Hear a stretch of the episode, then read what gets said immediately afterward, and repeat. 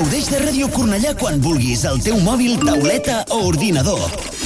Entra a radiocornellà.cat i se t'obrirà un enllaç per instal·lar al teu dispositiu l'aplicació de Ràdio Cornellà. D'aquesta manera la tindràs sempre actualitzada. Podràs escoltar la ràdio en directe, descarregar i compartir els teus programes favorits, accedir a les notícies de la ciutat i molt més. I ara amb la millor qualitat de so. Ràdio Cornellà, sempre al teu costat.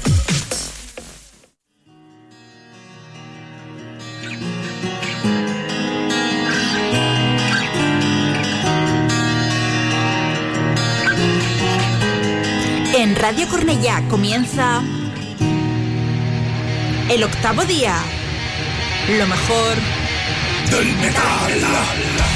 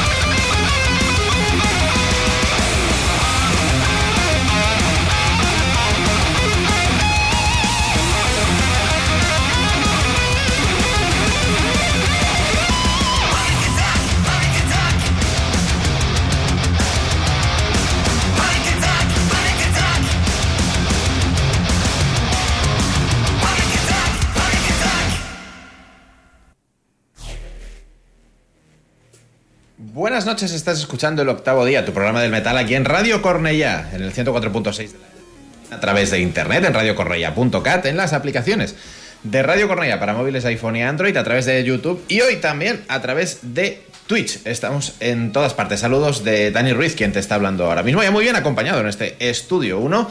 Como siempre, ya es costumbre a mi siniestra Alfonso Díaz. Buenas noches. ¿Qué tal, Dani? Buenas noches, buenas noches, audiencia. Simplemente decir, The Priest is back. y, y, por muchos años. Esperemos. Por muchos años.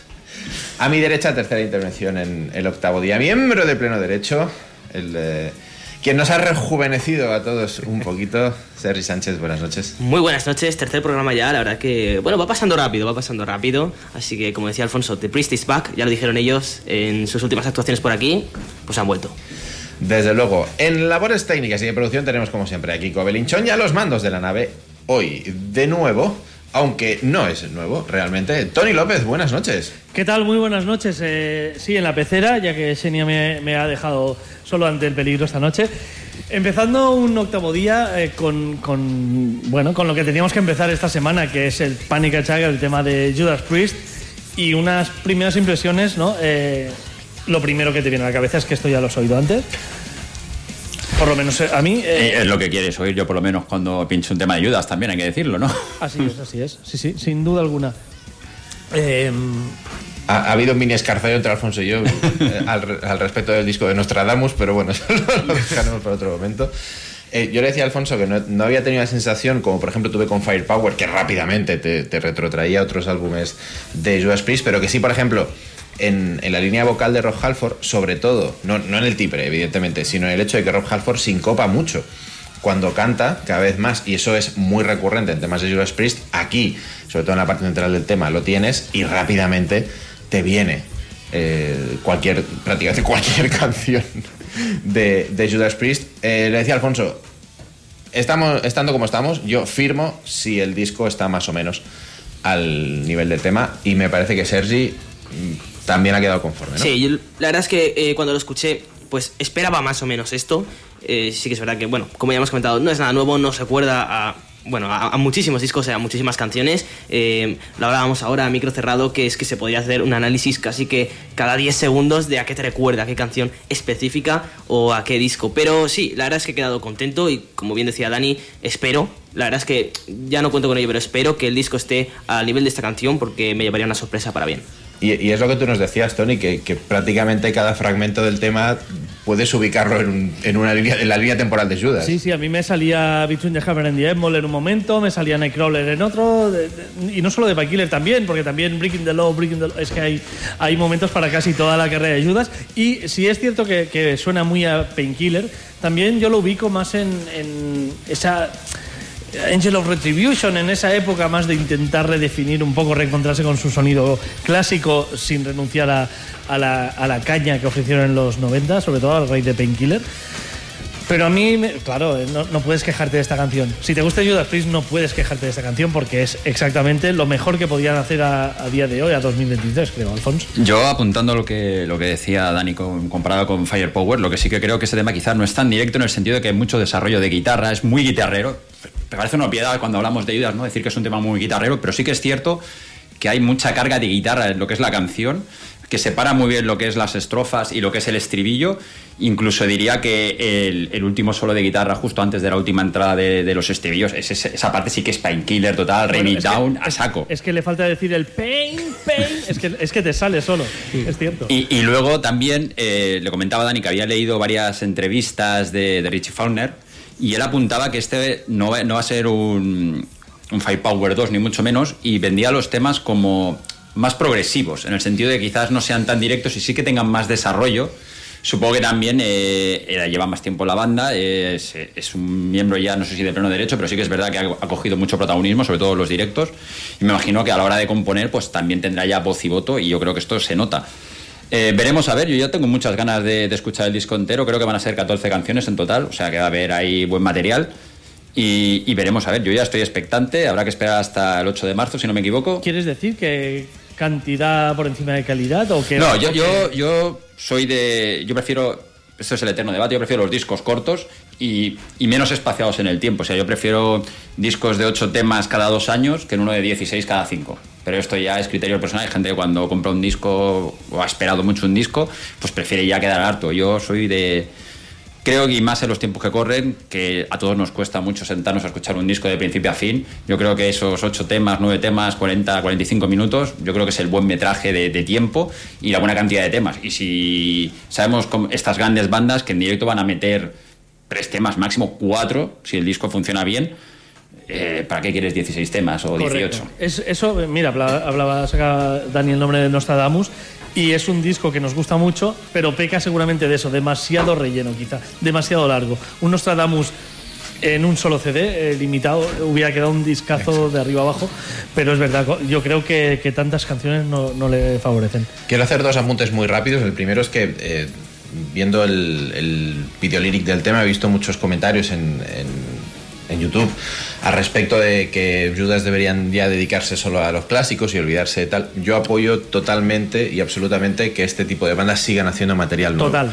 Absolutamente. Y por otra parte, en el mismo vídeo, y la banda lo anunció así, aparece Glenn Tipton como guitarra. Entiendo más que en las labores de composición, o no sé si como. En fin, homenaje a su trayectoria en la banda porque Como- no está para tocar, ¿no? Como miembro facturable de la banda. Vale. Bueno, y, y yo creo que como compositor sí que Sí. me imagino que sí. No y lo que, sé- está, lo que está claro que no sé Judas eh, ha encontrado un equipo de trabajo, también contando con el productor, con, con Andy Snip, ¿no? Sí. Y ha creado un núcleo de trabajo duro y, y que funciona muy bien, tanto en directo como, como, hizo- como vimos en Firepower, como en a, mí, estudio. a, a mí es que realmente esta canción, eh, creo, ¿eh? igual me estoy equivocando porque no es información, simplemente es, es lo que me sugiere a mí, y es Andy Snip y Richie Faulkner intentando que Judas suene a Judas. No son Kaka y, y Glenn, sino que son Andy, Andy y Richie. Yo, mm, respecto a esto, Tony, no tengo la información, como decía, he leído, he leído algunas declaraciones de Richie Faulkner y creo que es que hay como guitarristas invitados, que Andy Snip no es oficialmente miembro de la banda para tocar. O sea que Ajá. supongo que tocará algo, evidentemente, y está ahí, tocará algo, pero que no digamos que solo ha tocado él, que Bueno, ha, habido más, más gente tocando ahí guitarras. Eh, iba a decir que por ahora de momento es que no lo han mencionado, ¿no? Sí, sí. Eh, en el lyric video aparece Glenn Tipton, Glenn Tipton, pero, pero Andy Snip no. Entendemos que sí, que entiendo, bueno, quiero entender que aparte de ser músico en directo, que hasta ahora las últimas veces Eh, ha y aparecido yo, yo creo que ya se ha ganado también el puesto porque Entiendo no ha sido exactamente gira. que se habrá ganado ya el, bueno, al menos aportar algo mm, en la composición y entiendo que igual en esta no, pero en alguna otra canción lo veremos. Meter un poco de cuchara, sí. Sí, sí. Y, y lo que no sé vosotros si os ha pillado un poco de sorpresa, porque esto se ve que fue justo antes de su actuación en el festival que hablamos el otro día, en el Power Trip, que en las pantallas apareció lo que va a ser la portada del disco con la fecha de, de edición. Y hombre, todos sabíamos o presuponíamos que Judas estaban trabajando en, en nuevo material, pero no teníamos fechas. Yo por lo menos no tenía fechas, ni, ni nombre, ni nada, y ha sido como, ahí os dejo eso, y, y single. Y single en nada, sí, sí, a mí me sorprendió sobre todo eso, la velocidad con la que, bueno, quisieron cautivar a los fans. Eh, te anunciamos en uno de los festivales, bueno, si no el más grande al menos eh, Es de una- este una año. campaña de- de Exacto. marketing brutal. En marketing ahí la verdad es que lo han petado bastante. Te anunciamos el disco, el título, la fecha y en breves, en pocos días, eh, sacamos el primer single. Creo que ahora mismo están en boca de todos y eh, supongo que es lo que buscaban. Y Un festival que nos ha dejado con el retorno de ACDC a los escenarios y, y con el retorno discográfico de Judas, aunque sea todavía a largo plazo, pero ahí está ya. Y si nos estáis viendo en Twitch o en YouTube, dejadnos en comentarios qué os, os, ha parecido el tema. os quería decir eso. Estamos hoy inaugurando el canal de Twitch del octavo día. Eh, se accede eh, a, a el octavo día barra baja Metal Radio. Y ya tenemos a gente ahí, como por ejemplo Javi Flames, que nos dice que el tema de Judas es una cópula perfecta entre Breaking the Law y Painkiller. Sí, al final es esto. Viene, viene a sonar a cosas que, que ya conocíamos de, de los Judas. ¿Y cómo va a sonar más? Siendo eso, es que claro. Claro. De padres guapos salen niños guapos, eso es así, eh, quieras o no.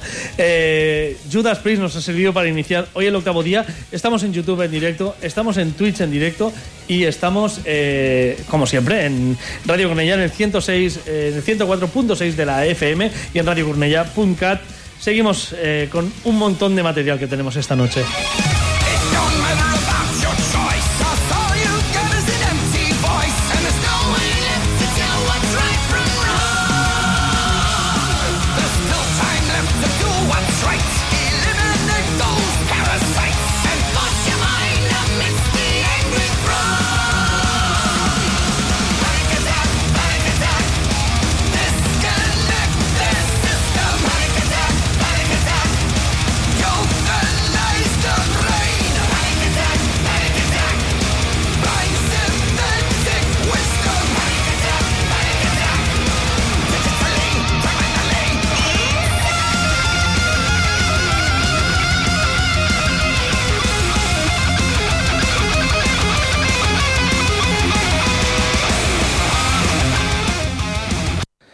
Hoy teníamos, eh, hoy tenemos eh, el placer de entrevistar a una banda que ya ha estado en el octavo día anteriormente.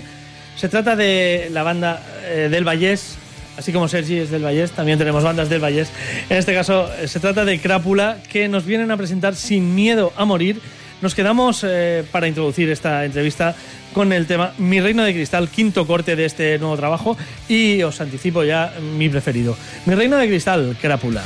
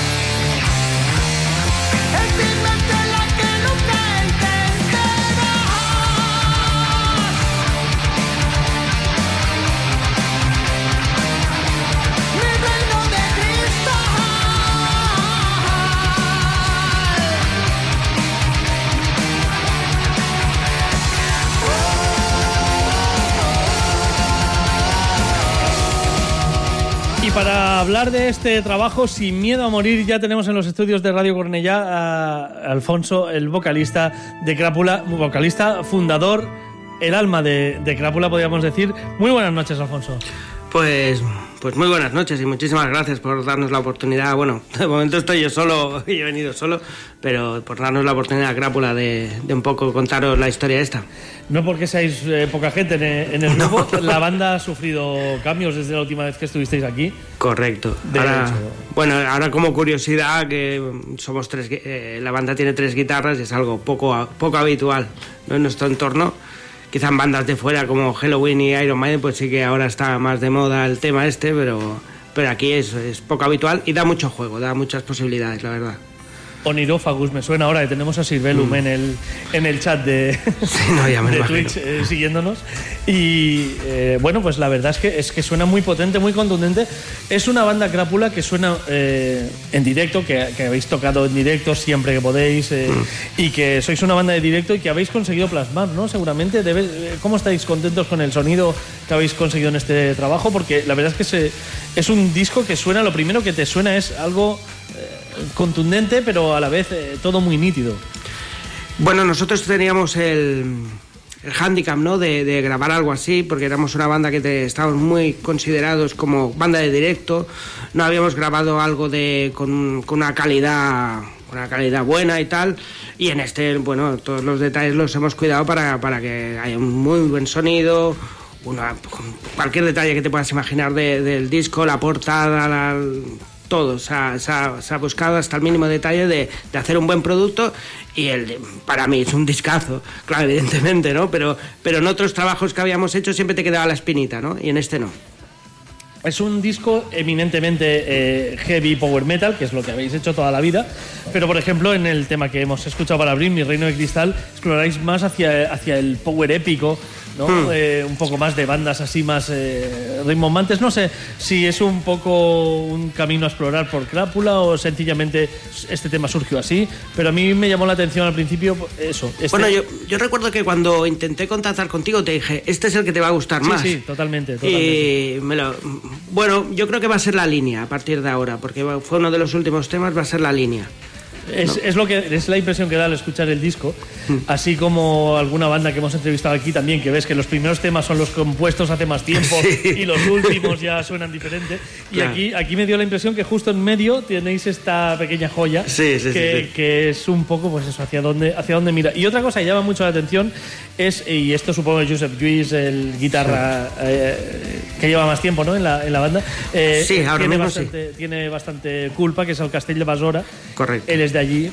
Supongo Correcto, es una, sí. Es una leyenda que, que él Sí, desde sí. niño bueno, mamado. este tema en concreto es, podríamos decir que es una versión, porque Sí. en principio nace de, de un grupo que él tiene propio, que es a la Basora Acoustic Band, Ajá. y es en plan folk, tranqui, y bueno, un día la trajo y dijo, oye, pues vamos a adaptarla, y, y ha quedado una cosa muy chula también. Sí, sí, cierto. Y con la particularidad, perdona, que está cantado en catalán. Está cantando ¿no? en catalán. Sí, bueno, ya en el disco anterior Sí, teníamos tenía un la tema en versión de catalán de Ait también. y un tema que se llamaba Lora del Rock. Ajá. Y eh, bueno, yo creo que va a ser algo habitual en nosotros, ¿no? Incorporar algún tema en catalán en, en nuestros, en nuestros LPs. Recuerdo que, que la semana pasada, cuando Dani trajo a los de los Filth italianos, con Mark hablaban de, de lo que nos gusta aquí, que los Exacto. grupos canten en su idioma y en idiomas que no sean el inglés siempre.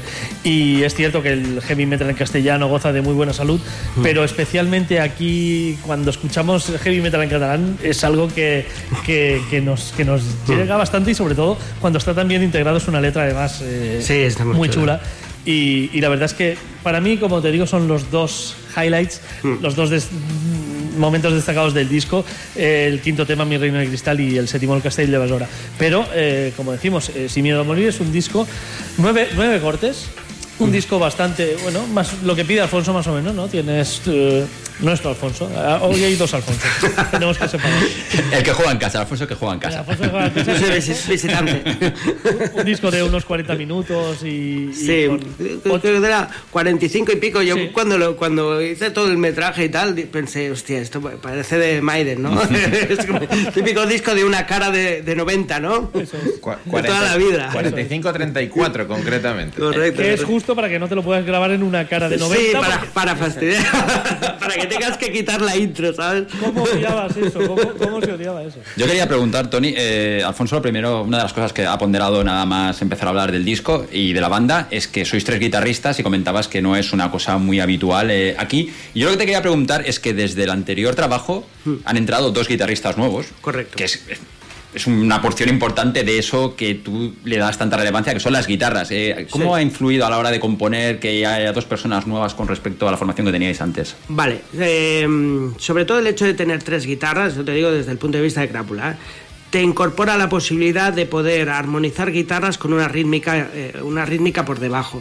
Y esto, no solo en estudio, sino en directo, te, crea, te, te da te crea un- una sonoridad que o la incorporas desde fuera, ¿sabes? Graba- con pregrabados, o, o- o lo tienes que hacer así. Y hecho así, le da un valor muy diferente a un directo.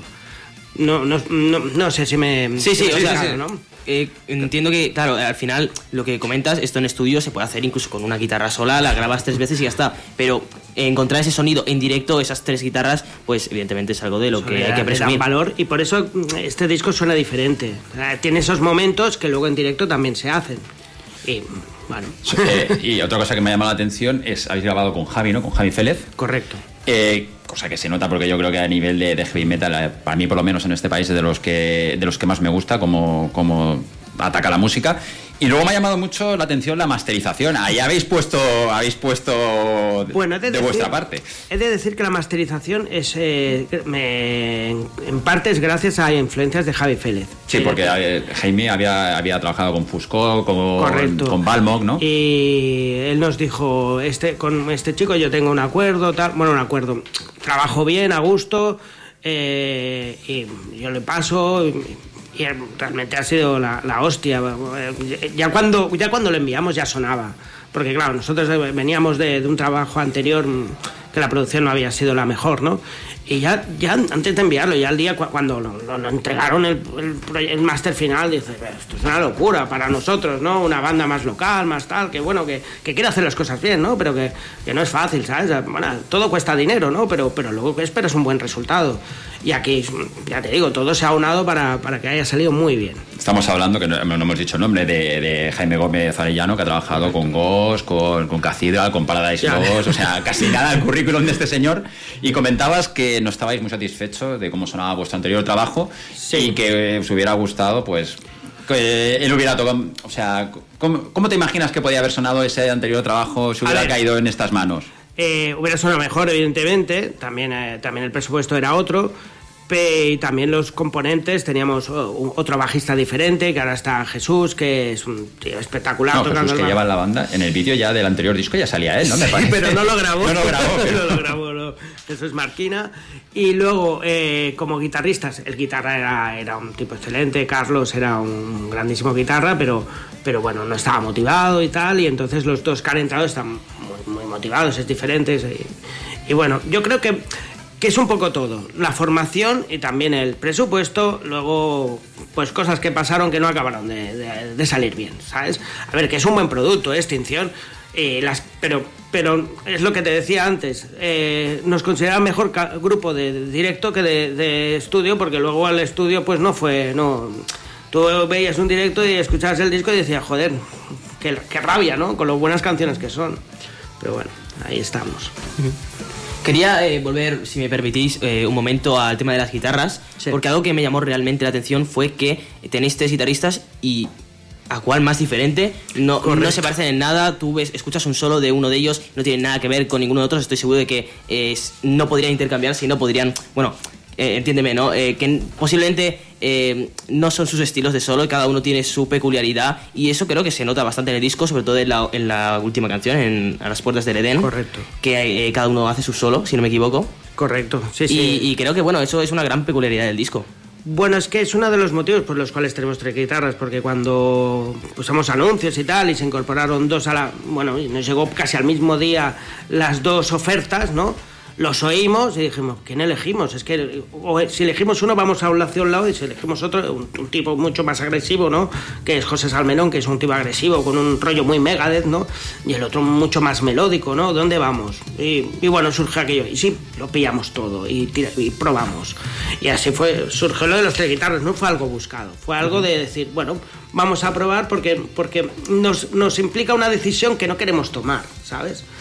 Y bueno, yo creo que el resultado ha sido maravilloso. Y es lo que tú dices, sería incapaz, entre ellos lo dicen, ¿eh? Yo sería incapaz de hacer tú solo, o yo, ¿sabes? Así, así no lo haría. Y bueno, por eso tiene su gracia. ¿sabes? Exacto.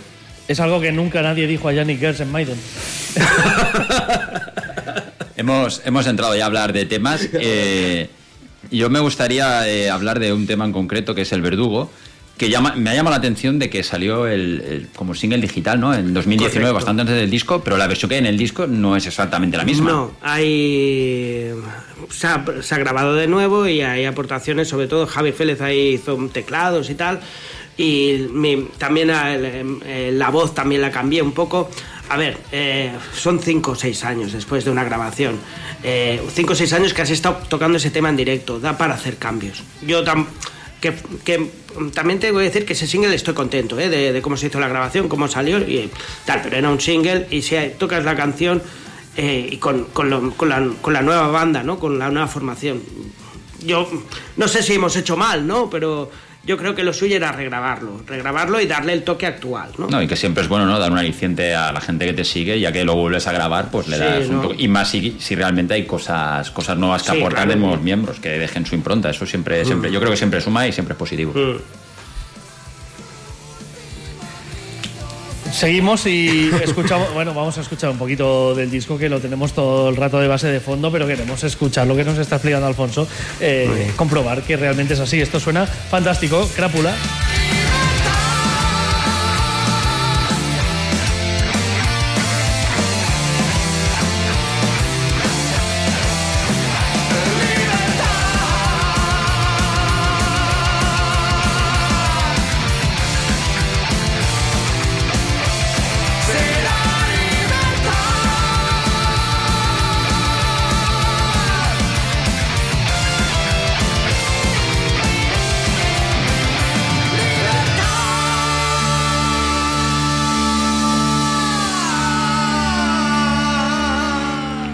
Precisamente El Verdugo, el fragmento que, que hemos escuchado ahora mismo. Correcto. Vamos, si me permites, Tony, Alfonso, una pregunta doble.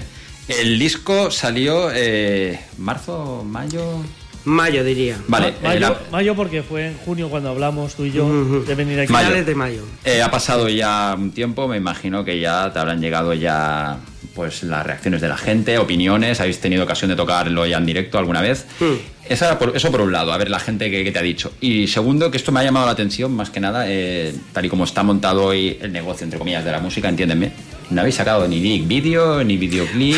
Es un poco, es un poco raro, ¿no? Porque hoy en día todo el mundo casi que le da más importancia a lo que es Sí. redes que no a lo que es el producto musical, que lo tenemos aquí, que es el disco, que esto realmente es lo que vale. No, lo otro es un escaparate. Bueno, a ver, eh, el feedback, el feedback es muy positivo. Lo que pasa que nosotros, yo me esperaba una, una del- de, eh, la reacción local, eh, que nos llegaran más ofertas para, para conciertos, ¿no? Quizás es que al ser mayo ya no nos dio tiempo, pero mi idea es el, el verano que viene, el, el- el- la- que sería el año que viene, tener más eh, influencia en, temas de, festivales, aunque sean festivales locales, ¿no? Pero empezar a asomar la cabeza en, no sé, un mercadeo, un can mercadeo, un ripo, no lo sé, pero cosas así, ¿no? Que surjan sus cosas así. Sé que hay uno que sí, no lo puedo anunciar, pero pinta que casi seguro estamos. Pero la idea, la idea esa es la, es la que teníamos. Quizá al llegar tarde, al llegar mayo, junio, pues no se dio esa opción. Pero bueno, aquí me, me ofre- nos ofrecemos para, para cualquier tipo de festival que pueda surgir, porque la banda está activa y está suena bien. O sea que bueno, aquí, aquí tú puedes decir, tú puedes Sí, sí, sí. confirmarlo. No, eh, pues precisamente, eh, bueno, habías dicho que la pregunta era doble, no sé si querías. Sí, la otra era lo, lo de, lo del vídeo. El lyric, vídeo, el- es que no quiero tocar ese tema.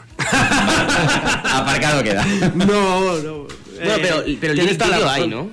El- Hay algunos. Del, del- del LP anterior. De este LP no hemos sacado ah, de momento ningún vídeo. ¿Por qué? Porque queremos hacerlo bien. Y ah, todo requiere un presupuesto. Entonces, y incluso otro de los motivos es que no teníamos un- el tema, eh, no teníamos claro de qué tema hacerlo. Hasta que no tuviéramos una idea de la repercusión, qué temas han funcionado mejor. Claro, el problema de- también está en que los dos mejores temas posiblemente o más repercusión han tenido son súper largos, ¿vale? Son de seis minutos y medio. Claro, para hacer un videoclip que ha de ser una cosa más directa, pues estamos ahí. Yo creo que se hará ¿eh? en algún momento. Eh, más pronto que tarde habría que decidir, decidir a- a sacar un tema en, en- en- en videoclip, ¿no? Pero aún no, ni siquiera eso tengo claro de, que aún no tengo claro que, de qué tema hacerlo, ¿sabes? Es una decisión importante, está claro. Es- vamos, es... Y, y No lo hablando, Alfonso, de repercusión y redes sociales, precisamente nos comentabas a micro cerrado que habéis tenido feedback bastante positivo también de gente en Sudamérica. Mucha, sí, sí, sí. Supongo, evidentemente el idioma. Y bueno, pues la- yo creo que es un tema más letrístico, porque canciones que, quizás, que aquí no estamos hablando del disco, son las que nos han devuelto a que, que, que- bueno, que le- le- les transmiten cosas, ¿no? Y bueno, es muy. a ver, Sudamérica es un público muy grande. No, no, no, es comparable a, solo España, ¿no? Pero, pero claro, sobre todo en México, Argentina, Colombia, ostras, claro, lo, bueno de llegar tan lejos es que sabes que es gente que no te conoce de nada, ¿vale?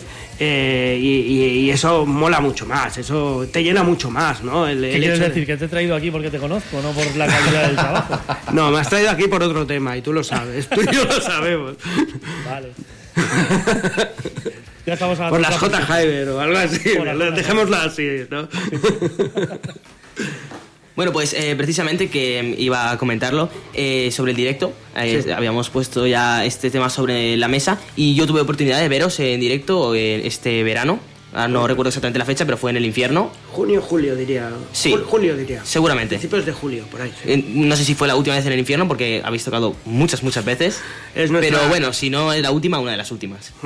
Y quería resaltar y que me comentases tú un poco para saber eh, hacia dónde va la banda en este sentido, porque en el disco eh, hay colaboración en los coros de, de dos cantantes, una de ellas es Chey, Shea Moreno, que es cantante de ahora mismo la banda se llama Legendarian, pero era, es cantante más, más conocida por Lady of the Lake, que era una banda de versiones de Exacto. Mago de Oz, entre otras, entre otras bandas. Una tía que canta espectacular. Totalmente. to- todos los que, y sobre todo el que, los que llevaron más el peso de la gra- grabación de coros, ¿no? Ha sido por amistad, ha sido por por colegueo de muchos años de conocernos, es Mano Esteba, que es cantante de Hard Dreams, es, ca- es cantante de Hard Dreams, que es otro pedazo de bicharraco, ¿sabes? Bueno, Hard Dreams por decirte uno. por- Ha pasado por este- muchos lados. Sí, y esto es un. Side, que es la banda pro de. Por- pero vamos, que... No, pero sin duda dos pedazos de bozarrones, que ya lo dices tú. Sí, y sí. me pareció, bueno, muy buena iniciativa el poder contar con ellos dos a los coros y que encima en directo saliese Chey encima del escenario a cantar con vosotros creo- en varias canciones. No yo- sé si eso lo tenéis pensado rescatar en futuras ocasiones. Bueno, a ver, no puedo, no puedo adelantar mucho. Yo sí que te puedo decir que Che va a participar en, en- seguramente en, en la mayoría. Si ella está disponible, participará. Pero yo con Che tengo, tengo otros proyectos aparte. En los que colaboramos juntos. Y entonces eh, bueno ya eh, no puedo anticipar porque ellos no lo han hecho pero pero sí que tenemos canciones con otra banda eh, conjunta sabes O sea, vienes aquí, no, no nos quieres hablar de los vídeos, no nos quieres hablar de Es los que, tío, festivales donde es- vas a tocar. No, no, no nos quieres hablar de nada, tío. Ya, pero si- tú entiéndeme, si una banda Sí, sí, sí. no, no acaba, de, lan- no acaba de, de lanzar un tal, una historia, no voy a venir hoy aquí a, a hacerlo. reventarles tú. el- el- Claro. Está clarísimo. Y, y a nivel de. Nos has dicho que estáis a la espera de festivales, que os habéis ofrecidos, pero Sí. ¿tenéis alguna fecha a corto plazo? A ver, tenemos el 2 de diciembre otra vez en el infierno con, un- con Arco. Y luego en febrero, no, no puedo decirte la fecha, ahora mismo la tendría que buscar, eh, con Evo en. Evo en. Crash, Crash, Crash Bomb o algo así, me parece que se llaman, en. Eh, Crash Bones. Crash Bones. Crash Bones, eh, correcto, en Bye Valles. Que este sí que estará bastante. Tiene muy buena pinta. Muy potente, sí, sí. Nos preguntaba, de hecho, Juan que Metal en Twitch eh, por próximas fechas. Ya está respondido. Os recordamos que si os unís a Twitch y os metéis en la emisión en directo, podéis interactuar con nosotros, preguntarnos, os vamos leyendo, os vamos respondiendo. Incluso podéis eh, preguntar a la gente que tengamos invitada, o sea que eh, todos son ventajas. Confirmamos la fecha de Evo, Crash Bones y Crápula, que es Ah. el 17 de febrero a las 9.30. Gracias, Dani. Muchas gracias. Está. Oye, de agenda te, te puedo fichar de agenda. Hablamos enseguida. Hablamos de sueldo, ¿no? Pues eh, bueno, pues eh, esto hasta aquí. Yo, yo creo, yo creo, Tony, eh, ha hablado que, que había repercusión en, en el continente americano. Hay gente también más cerca que le puede interesar que nos diga cómo nos podemos hacer con el disco, aparte de, de yendo al concierto, a los conciertos que van a dar, evidentemente. Si Iba hay alguna Iba forma. a eso, iba a eso. Eh, ahora Sí. sí, bueno, Alfonso. Tú y yo me da igual. No. Mira, el, el- para conseguir el disco y tal, aparte que está en Bandcamp, ¿no? El Bandcamp es ah, crapula.bandcamp.com. El- lo que sería la- el, el email para, para hemos, hemos enviado discos a Francia sobre todo. Se llama crapulametalban.gmail.com lo repito crapulametalban.gmail.com luego somos muy activos en facebook.com barra crapulametal y en Instagram también. Yo no, no quiero ser malo, pero si has enviado muchos discos a Francia, Pirinean. ¿Tú Warriors, crees? Pirinean Hostia, Warriors, eso, eh, eso sería- pero hace, hace frío, ¿eh? ¿Yo? pero yo, ¿En pero yo me abrigo, yo me abrigo. En septiembre no hace frío. Es en septiembre, ¿no?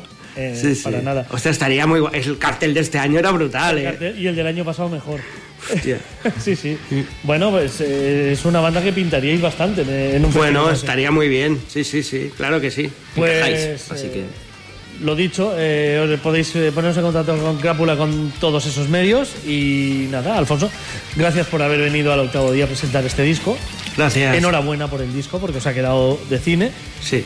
Y, y bueno, pues que puertas abiertas del octavo día, ya lo sabes. Bueno, gracias a todos vosotros por darnos la oportunidad de, de- de, bueno, de poner unos temas, de hablar de esto, que para, para mí es mi vida. O sea que muchísimas gracias. Pues nada, con Crápula nos quedamos y seguimos en el octavo día, que nos quedan un par de horas y algo más.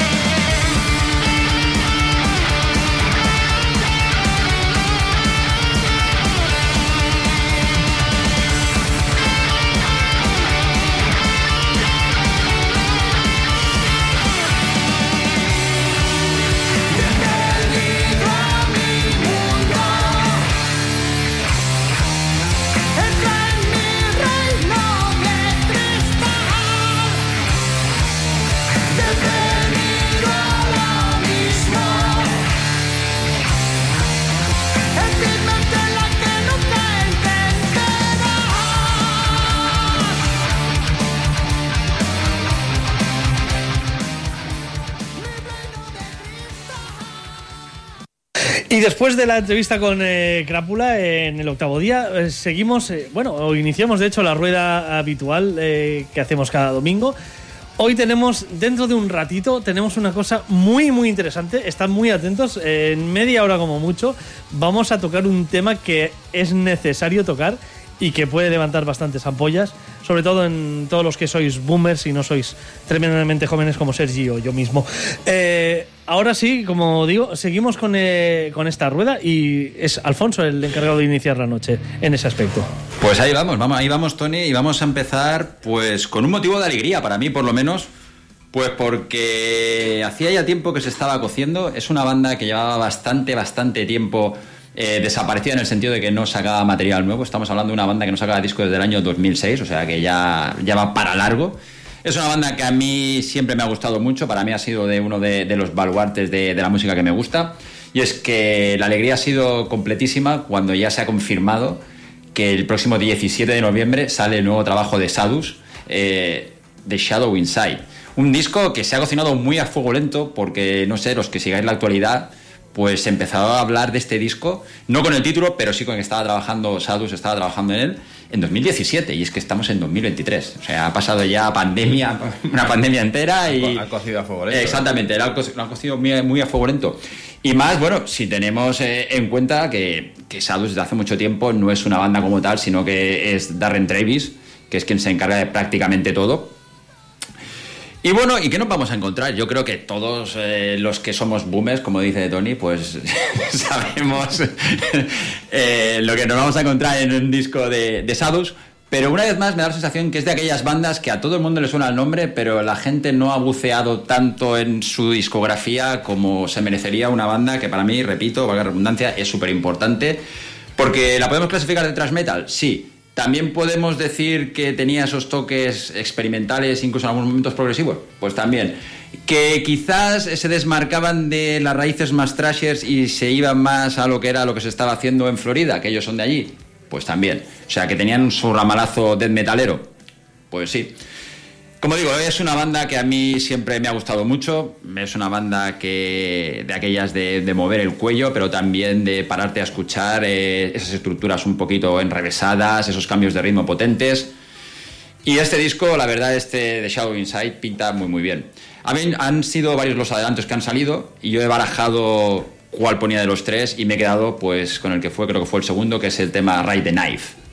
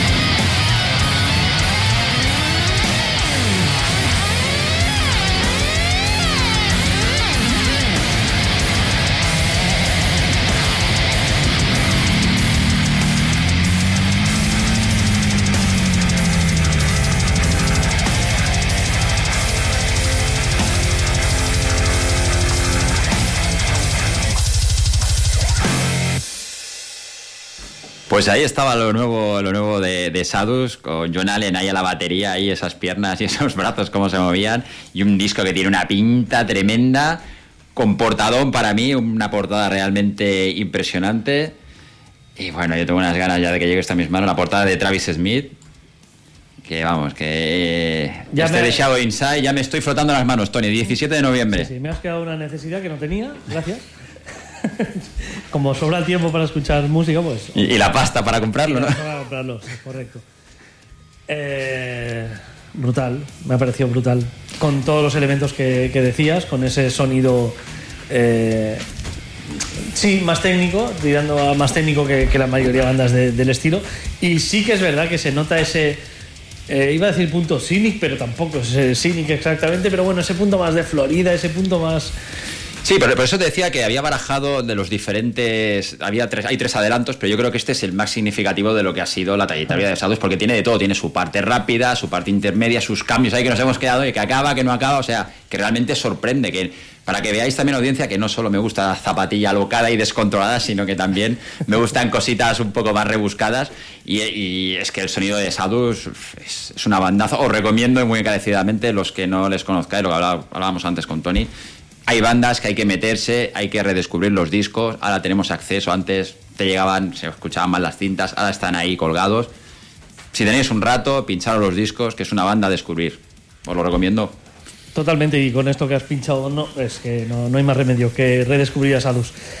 Sergi, ¿qué, qué nos traes tú hoy? Pues eh, vamos a ver, eh, algo también un poco agresivo y oscuro, porque es que me estáis llevando al lado oscuro del metal, mm, vamos, pero... En tres meses, eh, extremo. Sí, sí. 100%. Es que Eh, me lo ya te estoy digo viendo. que estás yendo tú solo porque yo te encontré allí.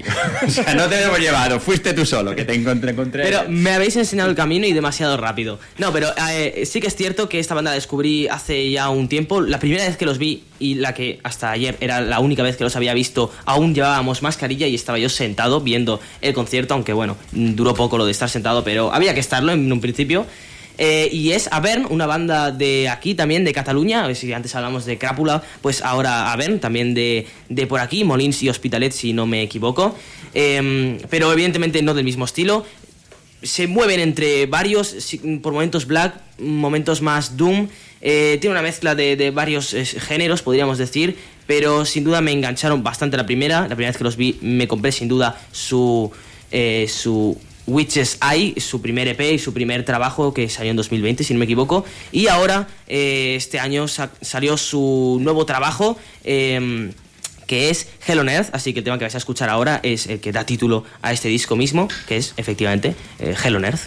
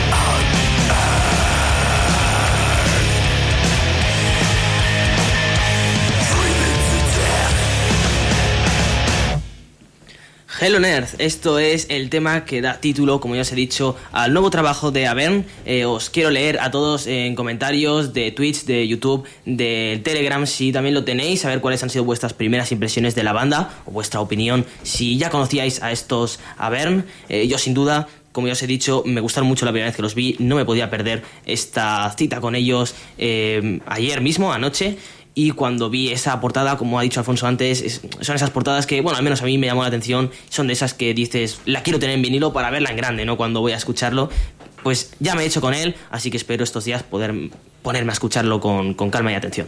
Yo también compré ayer el, el, vinilo ahí en el concierto. Un concierto que, que estuvo bastante bien de gente. La verdad que, que estaba el aforo era bastante, eran Ratmatas 3. Uh. Hablábamos ahora, eh, me sorprendió también ver la presencia de bastantes músicos de la escena, cosa que lamentablemente no suele ser muy habitual, pero había mucho músico de, otras bandas viendo, viendo la tripleta. Y, y bueno, y lo que hablábamos, eh, este Hello Nerd eh, es un disco con un portadón y lo que comentábamos, un disco de 35 minutos que pasa como un sus- un suspiro, son seis temas Cierto. y una banda absolutamente aplastante con un directo arrolla- arrollador, aunque eso sí, a mi parecer, se lo comenté a Sergi, en algunos momentos en el directo me falta una segunda guitarra que rellenase un poco sonido para que fuera todavía sonara más contundente y como en el disco, ¿no? Que, que machaca, porque sí que es verdad que en algunas partes se notaba ahí un poquito falta de un huequecito ahí que con una segunda guitarra yo creo que la, la banda ganaría bastante en directo. Sí, es cierto, lo, lo comentamos, de hecho, al acabar el concierto. También es verdad que su sonido y durante todo su show sonaron súper bien, muy limpios. Igual también fue en parte eso, que solo había una guitarra no, no tan distorsionada como podía esperar. eh, pero sí que es cierto que, en varios momentos de- del show se, se echaba en falta esa segunda guitarra para apoyar en la rítmica o, bueno, en general, ¿no? Para tener esa segunda base. Más una banda que, que- que se va a terrenos tan épicos como Avern en, en este tema, por ejemplo, eh, se va a terrenos ya no solo épicos de, de metal extremo, sino también de bandas de heavy metal Sí, sí, épico. totalmente. Eh, te puede recordar a, a- a bandas de ese estilo y, y realmente una, una buena base de, de guitarras eh, poderosas. Eh, siempre, suma, siempre suman este tipo de, de bandas. Yo me vais a disculpar que lleve esto fuera del terreno Avern, pero es que se llama Hello Nerd. Todos Eh. relacionamos Hello Nerd con una banda. Sí, sí, sí. Y esa banda esta tarde acaba de anunciar la gira de 2025. Cierto. 2025, ¿eh? Y es que Manowar, eh, que, que era- son los que me evocan a mí cuando oigo Hello Nerd, han anunciado un tour por Alemania en 2025, en el mes de febrero, donde van a tocar Hail to England completo o Sign of the Hammer completo. No ambos discos la misma noche, sino una noche uno, una noche otro. Había un montón de fechas, ¿no, Tony? Hay un montón de 10 o fechas y 12. te obligan a hacer mínimo dos porque vas a ir a ver Hail to England a un sitio y Sign of the Hammer a otro. En 2025, febrero de 2025, hay todavía hay 18 meses para, para pensárselo, pero Aquí, aquí, Tony, cada uno arrima las cosas a su andina. Yo cuando has dicho lo de Hello Nerd, yo he pensado en Off, digo que... Ostras, pues yo ya sabéis que, que soy muy clásico, yo- bueno, y aunque me vais a perdonar, pero esto ya es eh, la, la fase moderna de la banda, la más reciente de hecho, pero a mí me ha recordado sobre todo a Iron Maiden, su Senjutsu, su más reciente trabajo que tiene ese Hello Nerd y que justamente eh, acaban de anunciar eh, gira también en 2024, al menos solo por Bueno. ahora en Nueva Zelanda. acaban de anunciar Fecha. fechas. Un, un eh, concierto por ahora, sí. pero bueno, está claro que algo Sí, van a algo hacer. más ahora. Así que, eh, nos comentaban en Telegram, creo que fue Richie, nos ha comentado a ver si para Rockfest o a ver. No, desengañaos. No, ya está, no, no. Categóricamente. Habrá que viajar, ¿no? Y creo que muy lejos y de- cambiar de hemisferio incluso. Si quieres ver a Maiden en el 24, porque Tiene pinta, sí. si no vas a. A Bruce Dickinson eh, ya es otro tema. Exacto, De Bruce Dickinson exacto. podemos hablar. Con ese Mandrake Project, ¿no? Es el nuevo, el nuevo Sí, disco que vas a Así es. Así es. Mira, Mandrake, Ed Guy, ¿ves? Todos nos Todo se ha recuerda relacionado. cosas. Pues hablando de ascuas y sardinas, eh, una de mis ascuas es Frontier Records y ahora mismo, hace apenas dos días, acaba de aparecer el nuevo trabajo de Edge of Forever, una banda, vamos a llamarlo así, vamos a llamar una banda que ha tenido además dos eh, incorporaciones eh, que están desde los tres últimos discos. Hablamos evidentemente de un cuarteto formado por Nick, Mazzucconi, Marco Di Salvia, Alessandro Del Vecchio y Aldo Lonobile. Eh, tenía que estar en el octavo día, sí o sí. Eh, traía algo que flirtea mucho más con el extremo, pero visto cómo hemos empezado, eh, decidió cambiar de carril totalmente. Amantes del hard rock y del heavy metal melódico, poned muy, muy bien el oído porque estos son palabras mayores. Desde Ritual, lo nuevo de Edge of Forever suena así, Freeing My Will.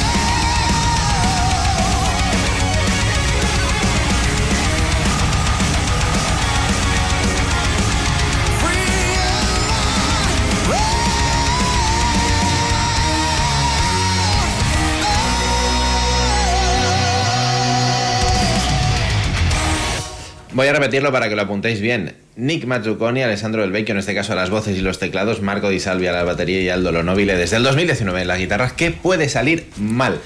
Eh, Bestial, pero sobre todo me encanta Lonobile y Del Vecchio gustándose mucho eh, con el teclado y la guitarra, dándose paso uno al otro, haciendo esas melodías.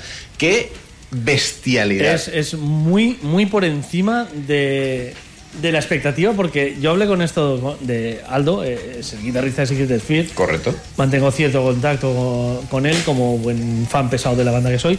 Y, y me habló de este proyecto hace, hace tiempo y me dijo: Estamos preparando un disco que te va a volar la cabeza. Y pensé: Del Vecchio, lo nobile. Ya me lo conozco, esto ya lo he escuchado mil veces. Esto vais a preparar un disco que va a estar bien, con buenas canciones, Es increíble lo que se han sacado de la manga, es increíble. Que te sorprenda un disco de Frontiers a estas alturas. Exacto, Y más con esta gente que Están los has en escuchado todos, en todos. en todos los discos de Frontier. Sí, sí. Alucinante. Brutal. alucinante. Sí, sí. Se, se han gustado muchísimo en este disco y se va a ir bastante, bastante arriba a mi top anual, por lo menos en, dentro del hard rock. Hecho Forever Ritual.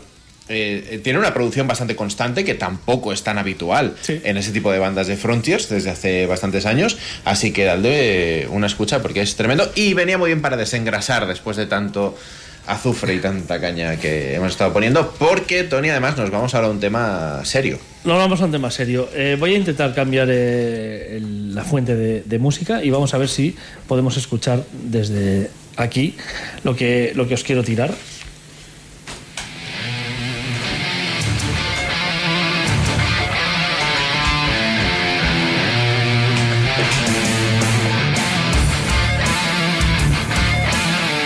Estamos escuchando Niño, un tema perteneciente a Los Poetas Han Muerto, disco de Avalanche.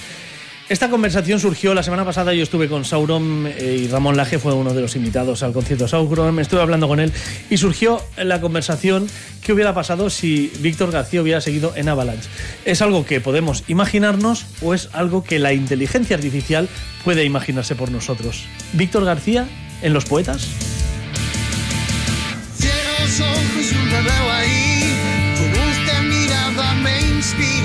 Si nadie te indica el camino a seguir, ¿para qué caminar? ¿Hacia dónde ir? Aún no has nacido y ya has de elegir la primera lección de tu vida. Tómala como un juego más.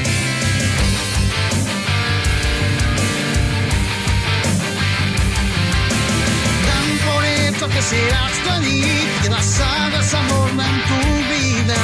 Y no les importa si no fue así, pues ya crecerás. Y si no da igual. ¿Crees en el destino? ¿Acaso te crees dueño de tus actos? El bien, el mal. ¡Qué dilema!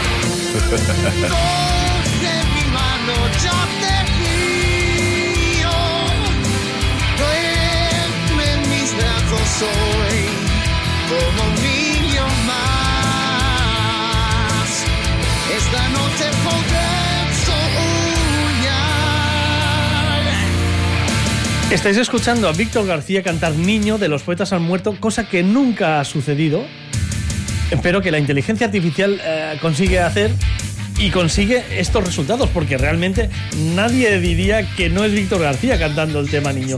Realmente el resultado es increíble. Esto nos lleva a planteamientos eh, ya no solo éticos, sino eh, mm, artísticos, culturales, porque eh, a partir de ahora con la inteligencia artificial y cada vez más y cada vez mejor integrado, vamos a poder escuchar cosas que no pensábamos que escucharíamos nunca. Y es que, por ejemplo, cuando murió el cantante oficial de ACDC, Bon Scott, la banda grabó un disco como Back in Black. Y claro, Back Black ya lo grabó el nuevo. Acá Brian Johnson, acá el hombre que lleva 43 años en ACDC y sigue siendo el nuevo. Pero ahora podemos escucharla con la voz de Bon Scott.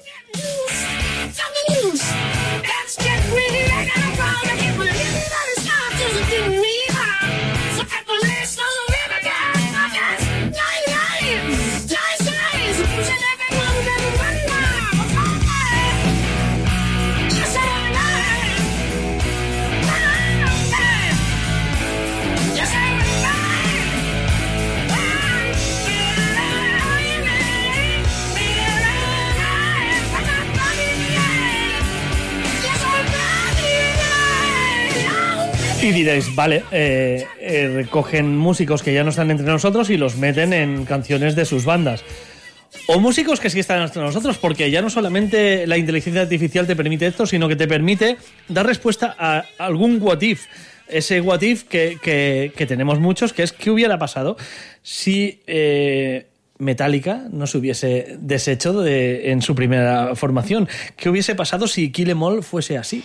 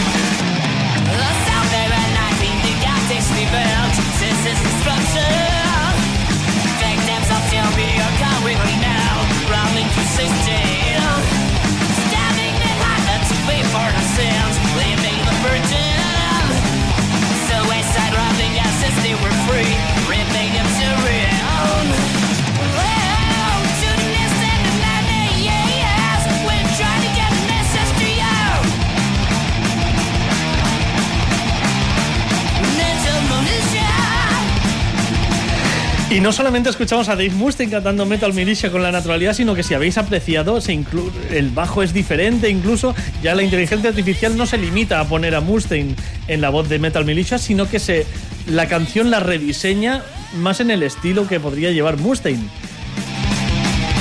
Eh, y no me quiero parar ahí porque Mustaine podría haber seguido y Metallica podrían haber grabado un disco como eh, hicieron en el año eh, en el año 88 que se llama Unjustice for All y que empieza con un tema que, que aquí hemos escuchado mucho porque además es de mis preferidos de la banda y podría seguir Mustaine en Metallica perfectamente.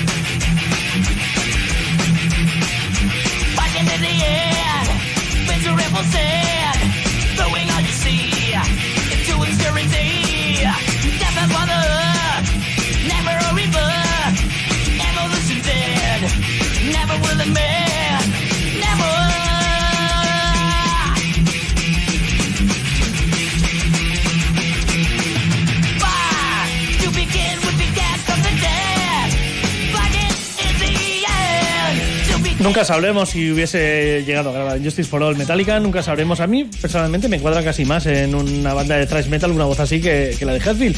Pero ya veis que la inteligencia artificial te sirve para imaginarte cualquier escenario posible, y cualquier escenario posible quiere decir, sí, como antes hemos escuchado con Bon Scott, eh, músicos que ya no están entre nosotros, escucharlos haciendo, pues eh, seguramente temas que no grabaron en su día, pero que tú te puedes inventar que los canten ellos.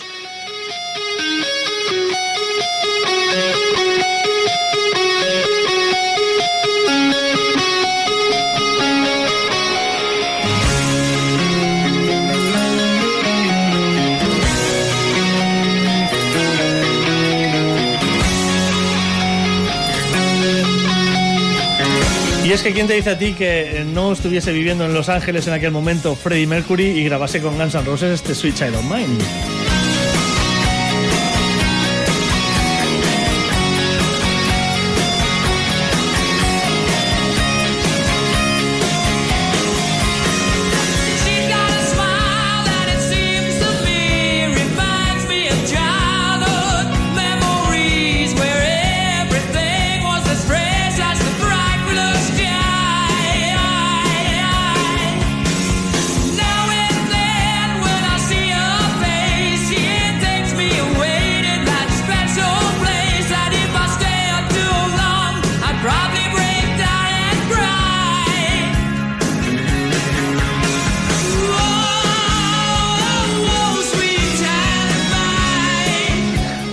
Mercury es uno de los eh, cantantes más atacados, eh, si lo entrecomillamos, por la inteligencia artificial. Podéis encontrar versiones de Freddie Mercury de casi cualquier canción, pero también es cierto que le versionan a él con otros eh, cantantes, canciones que eran originales de Freddie Mercury, y no podía, estando Dani aquí, sobre todo, dejar pasar la versión de Michael Jackson de Bohemian Rhapsody. Is this just fantasy? Caught a landslide, no escape reality. Open your eyes, look up to the skies and see. I'm just a poor boy. I need no sympathy, cause I'm easy come, easy come. Little high, little low.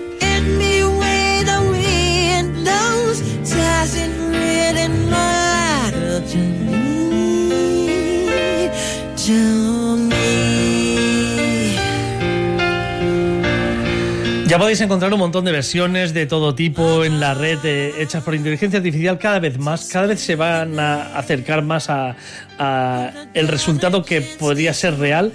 Incluso, eh, eh, bueno, documentándome un poco para, para hablar de este tema aquí, he encontrado gente que ni siquiera ha convivido en la misma época, porque hay versiones de Freddie Mercury de Dua Lipa que ni siquiera nació, había nacido cuando, cuando Mercury murió. Es eh, complejo, pero hasta tal punto que la misma inteligencia artificial, y esto es lo que ya me acaba de flipar, es capaz de transformar una canción no ya a la voz de esa persona, sino al estilo de ese cantante. Y me quiero ir hasta Dookie, el, de, el de disco de, de Green Day, eh, que tenía un tema como Basket Case, que es un- uno de los temas eh, míticos de- de- del punk rock, del indie en, este caso. Como digo, Green Day no es un- una cosa que escuchemos aquí mucho, pero en la voz de Frank Sinatra y en el estilo de Frank Sinatra, Basket Case suena así.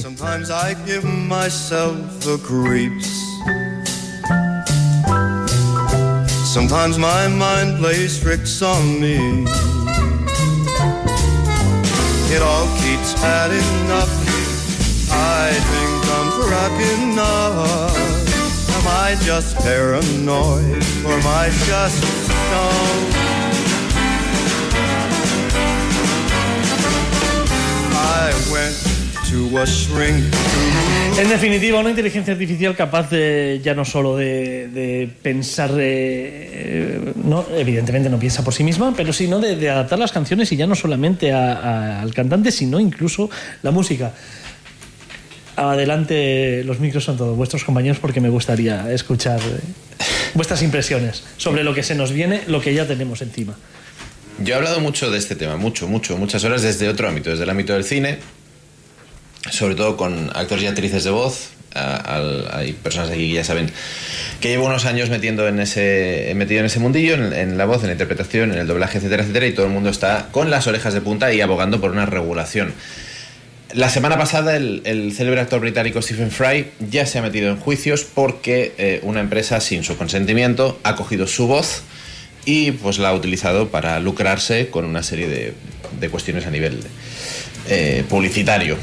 Hoy mismo, y a raíz de que habíamos hablado con Tony de que íbamos a tratar este tema, he visto también en, YouTube, y ha sido un caso que me, ha resultado muy sangrante, pues una, versión de un tema de anime cantada, cantada no evidentemente, por Chester Bennington, el fallecido cantante de, Linkin Park. Esta persona se está lucrando utilizando una inteligencia artificial eh, pues, eh, por medios que me parecen bastante, bastante poco éticos. Por otra parte, yo tengo mis dudas. No voy a extender, ¿eh? porque además eh, da mucho para meterse también en, los campos habituales de lo que representa la inteligencia artificial en la, en la ciencia ficción y lo que se dice habitualmente. Y, y prefiero dejar que, que hablen Alfonso y Sergi. Yo tengo mis dudas en el campo artístico, en la música, en el cine, en la interpretación, en la pintura, etcétera, etcétera. ¿Dónde estará el límite de la inteligencia artificial? No tanto en la cuestión técnica, que creo que va a llegar a ser perfecta, sino en ese punto humano, al final, que es la creación, la creatividad y la pasión. ¿Cuántas veces no habremos escuchado un disco y hemos dicho, hostia, técnicamente es perfecto, pero le falta alma, le falta pasión? Tengo mis dudas de que la inteligencia artificial pueda llegar a ese punto. Lo mismo en el cine, lo mismo en la pintura. Ahora, a nivel técnico, ya a día de hoy se pueden hacer virguerías y esto tiene pinta de que va a tener un crecimiento exponencial. Yo abogo por la regulación ahora mismo, pero vamos a tener que dejar pasar un tiempo porque esto ha sido una bomba que nos acaba de estallar. No tenemos ningún punto de referencia, no tenemos ningún tipo de, de precedente sobre el que basarnos. Pero tenemos una base. eh, eh, una base como son los derechos de autor, por ejemplo. Correcto. ¿no? Tenemos eh, artistas que cobran por su trabajo y que en este caso ya no hablamos de artistas vivos, incluso artistas muertos. Así es. mm, Que se está utilizando.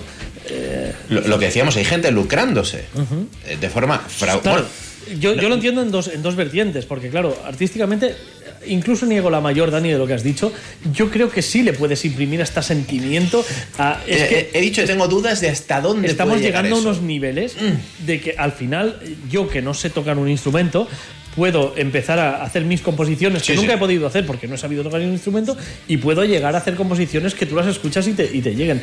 El, el tema es que eh, no sé hasta qué punto hay que diferenciar un poco el- el- lo que tú dices, ¿no? El, el que se lucra de ello. Correcto. O yo como fan de Avalanche, eh, que quiero escuchar los discos de Ramón Laje en voz de Víctor García y es algo que no podría pasar, pero ahora tengo una herramienta que me permite hacerlo. Pero entonces sería como, y con perdón de la comparativa, eh, la legalización del consumo de ciertas drogas recreativas para consumo propio o para vender. Una cosa está Bueno. regulada, la otra es delito. Pero no es lo mismo que, que tú tengas, eh, eh, sí, efe- efectivamente, eh, no es lo mismo que tú tengas eh, un gramo de droga para Claro. ti que que, vendas ve- un que gramo. vendas un gramo. Ahí voy. Ahí, ahí es donde tiene que entrar la regulación. Lo que pasa es que tenemos.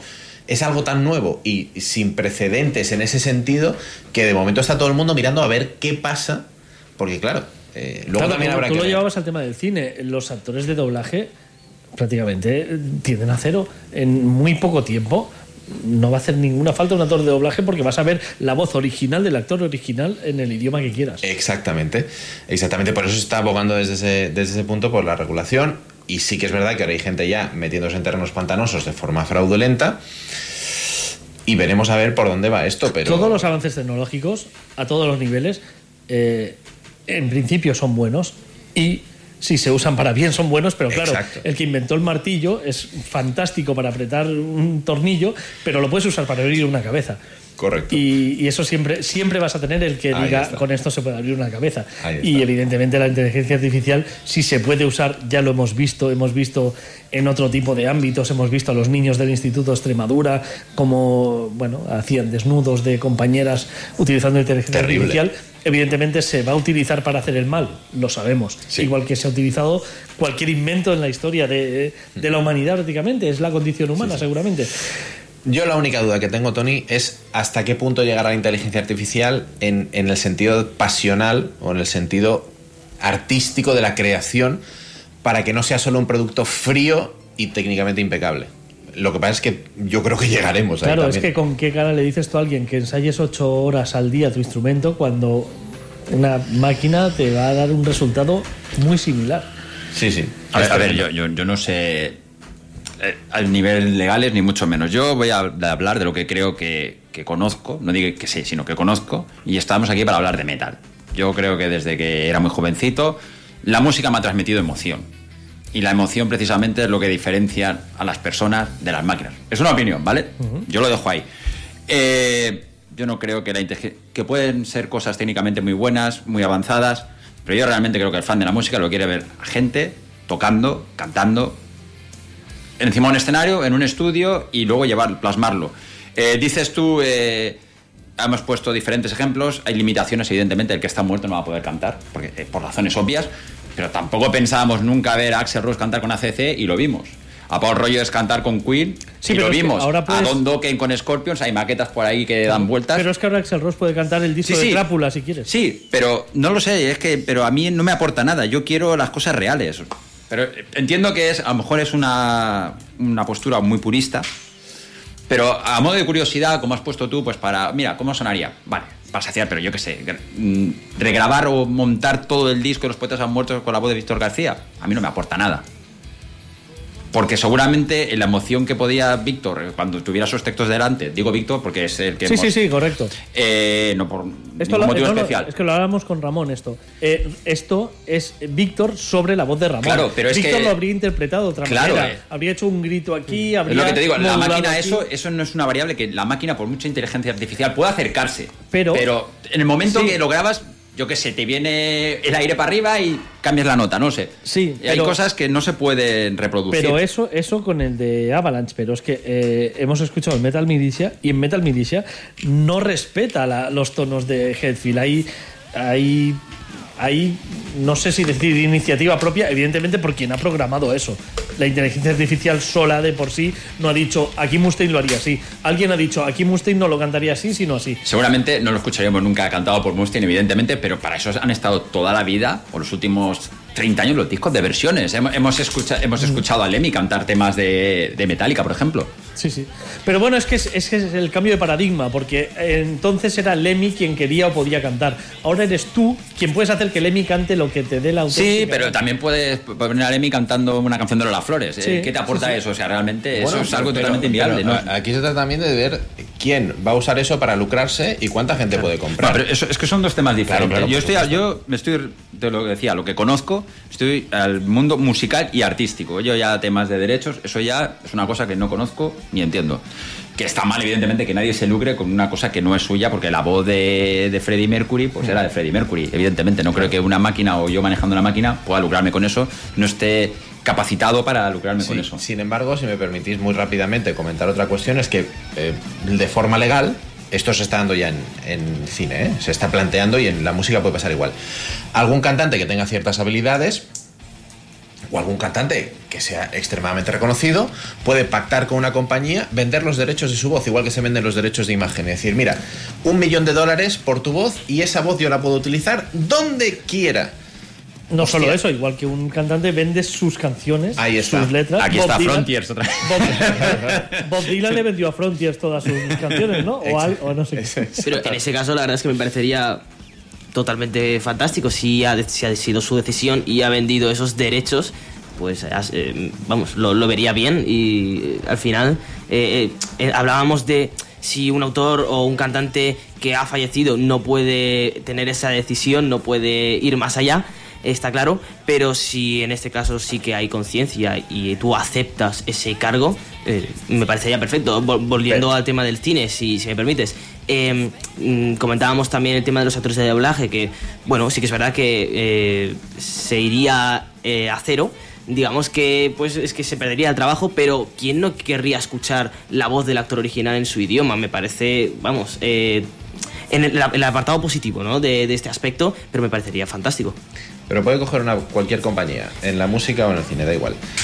Y resulta que yo tengo una voz absolutamente maravillosa, pero no soy nadie en el mundillo. Me pagan una miseria y ahora todos los anuncios de un montón de compañías van a ir con mi voz.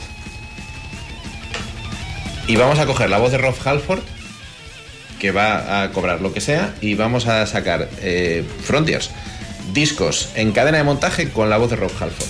Eso puede darle un vuelco al, al ¿No mercado. lo, no lo han hecho ya con Michael Sweet esto? Eso los compraría yo. Eh, eh, estamos dentro del tema ético ahora mismo y moral y de cómo puede afectar a la industria y a los creadores y a los músicos, que es un tema absolutamente delicado. No, está claro, éticamente y bajo mi punto de vista, lo que a mí me parece, mm, no, no me acaba de convencer de, como tú comentabas, de que das esos derechos, igual como eres un don nadie, pues te pagan eh, cuatro duros y, y ya está, y has perdido esa, esa posibilidad. Eso te Eh, lo bajo mi garantizo, punto de eso vista. te lo garantizo yo porque estoy dentro del mundo del ¿Qué- doblaje qué y pasa, pasa? ¿eh? Pasa. Pero vamos a pasar. no, perdonad, pero es que eso ha la pasado toda la vida en el, en mundo de la música. Cuando tú firmabas tu primer contrato, Tony lo sabe, tú hipotecabas eh, tus derechos de autor por 20 años a lo mejor. Y a lo mejor estabas vendiendo millones de discos y te estabas sacando Y una de miseria. hecho, hablamos hace dos semanas de esto con Bonfire, que seguramente han tenido que hacer aquella aberración que han hecho para recuperar derechos sobre música que era de ellos y Claro. que no tienen los derechos. Es así. Ahí está vender el alma al diablo. Es que las pelis de Al de final, al final es que hay es eso. alguien, hay alguien que se está lucrando con el trabajo de otros, pero eso va a pasar siempre. Ha pasado Sí, antes pero y pasa ahora. es, un terreno muy peligroso porque tú puedes dar tu voz como cantante y de repente, pues no sé, hay que alguien haga una canción y en la letra que diga que apoya el holocausto con Ya. tu voz. Sí, sí, sí, Ojito totalmente. con eso, ¿eh? Sí, sí, a- a- bueno, a partir, a- esto ya entramos aquí en, en No, derivaciones, no solamente con una, con una canción, eh, pueden coger la grabación de este programa y hacer un programa donde hablemos de la- los cuatro del holocausto hablando maravillas. Sí, señor. Se puede supuesto, hacer, es ya. totalmente viable. Entonces, ahí yo creo que es donde más urgente es legislar. Es verdad que hay que legislar Así derechos económicos y monetarios de artistas, eh, productores y creadores de contenido. Pero creo que es eh, incluso más eh, urgente legislar este tipo de cosas porque, bueno, por lo que decíamos, ahora, eh, hace unos días yo vi un vídeo de Feijó hablando catalán con su voz. Feijó nunca ha hablado catalán, no sabe hablar catalán, pero igual que le traducías literales sus palabras, le podías haber puesto otras.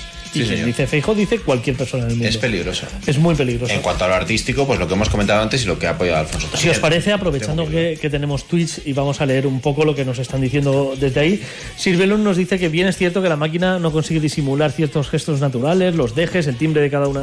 eh, y el timbre de cada una los clava. Algunas con más acierto que otras, es verdad, pero estamos viendo que cada vez hay más acierto. De momento, claro, claro. es de momento. Eh, eh, Kiko nos dice que mierda, que bien queda. Es que hay cosas que, que- que quedan. Juan que Metal no cuela en el gran Fran Sinatra cantaba mejor. Bueno, déjalos porque Frank Sinatra ahora eh, Es que no, no- cuela, pero es que dentro de nada lo vas a, tener clavado. Eh, Xenia, que también la tenemos ahí en Twitch, también mete baza en el debate y habla de que más que límite a nivel de leyes, eh, cuando se legisle son los derechos de autor, porque no deja de ser una máquina que bebe de Claro, es, es lo que decimos. Por tanto, el derecho de autor eh, es del creador eh, de dicha IA, pero los derechos morales no están incluidos. Eso es así. Claro. Eh, bueno, es un cacao legal, como, como nos dice por aquí Juan que Metal también. Eh, Sirvelum, tenemos a, bueno, varias opiniones eh, en, en este sentido. Eh, bueno, que nos, que nos hablan de eso, de, de que está, está todo muy en los albores y tenemos una duda ahí razonable. sobre- Y si, perdón, si, si me permitís, porque Andrés en Telegram nos ha dejado una noticia en, en forma de su opinión. Y es que George R.R. R. Martin, el autor de Juego de Tronos, ha demandado a los a creadores de ChatGPT después de que un fan haya usado este programa de inteligencia artificial para hacer los dos libros finales de Canción de Hierro y Fuego. El jaleo legal, tela. Mis dudas vienen en lo artístico. Si, No- no si llegaremos al punto en que una inteligencia artificial pueda dotar de ese alma a las composiciones. No denunció los de la serie con la de ampollas que se levantaron y denuncia. Apoyo, apoyo la denuncia.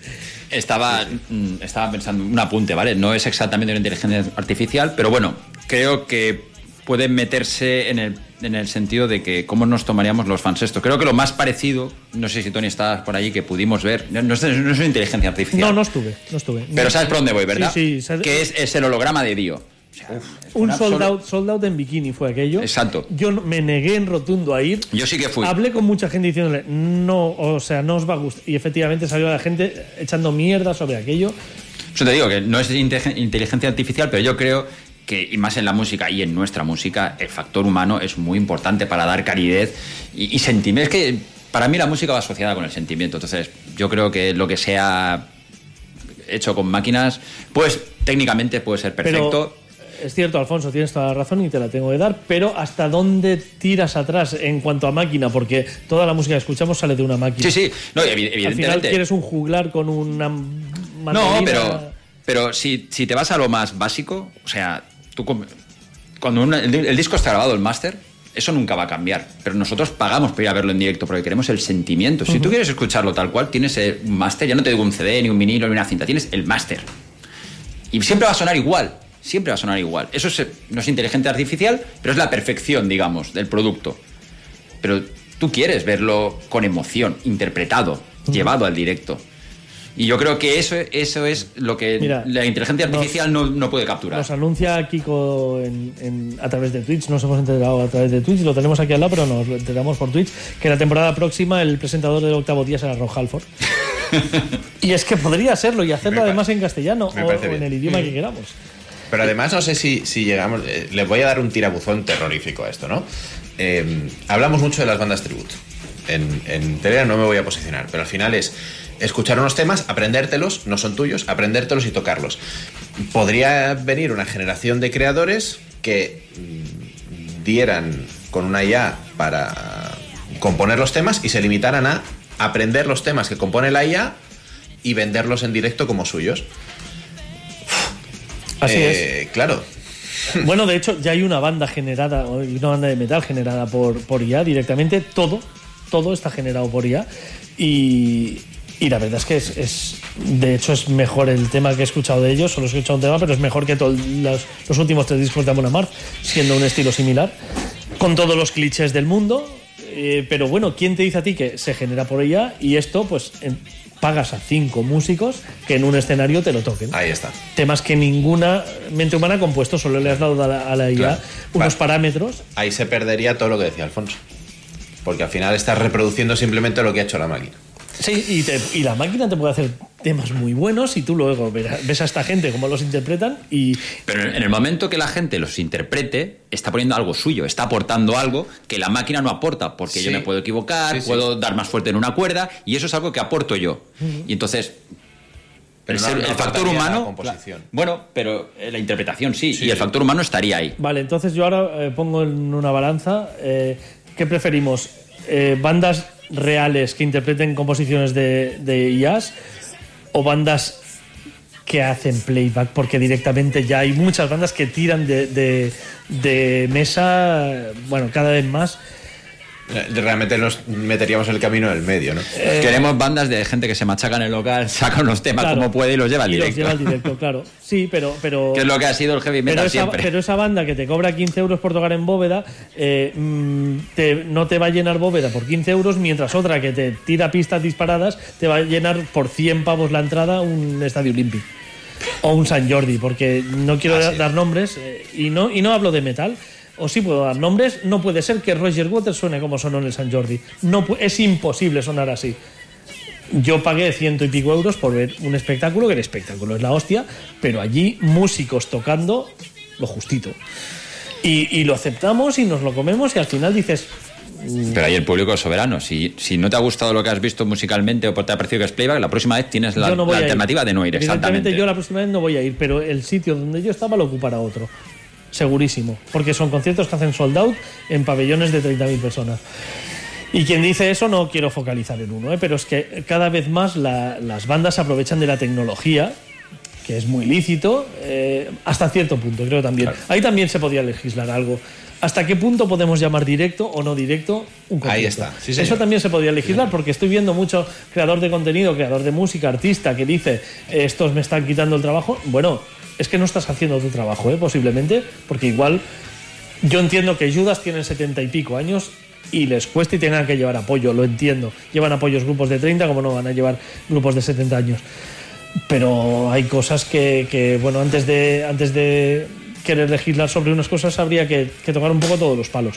Pero entonces, Tony, estás viendo la mía. Tú quieres factor humano. O sea, no quieres ni ayuda. No, no inteligencia artificial. No quieres ni ayuda. Y me parece bien. Yo tampoco quiero, ¿eh? O sea, yo quiero directo, directo. Sí, yo sí, abogo no, no, por eso. yo te claro, digo- yo no, no, también. claro, claro. Por mí no hay ninguna. No, no, es pero- más, tú sabes que hemos comentado muchas veces. Mira, una banda que hace coros. O sea, que hace Correcto. coros, que Sí. es la cosa más básica de. Porque estamos harto de ver unos coros perfectísimos. Sí, Que sí. dices, ni por atrás están. Bueno, alguna vez eh, lo he agradecido, ¿eh? porque cuando se reunió TNT, menos mal que llevaban los coros pregrabados, porque sin coros aquello.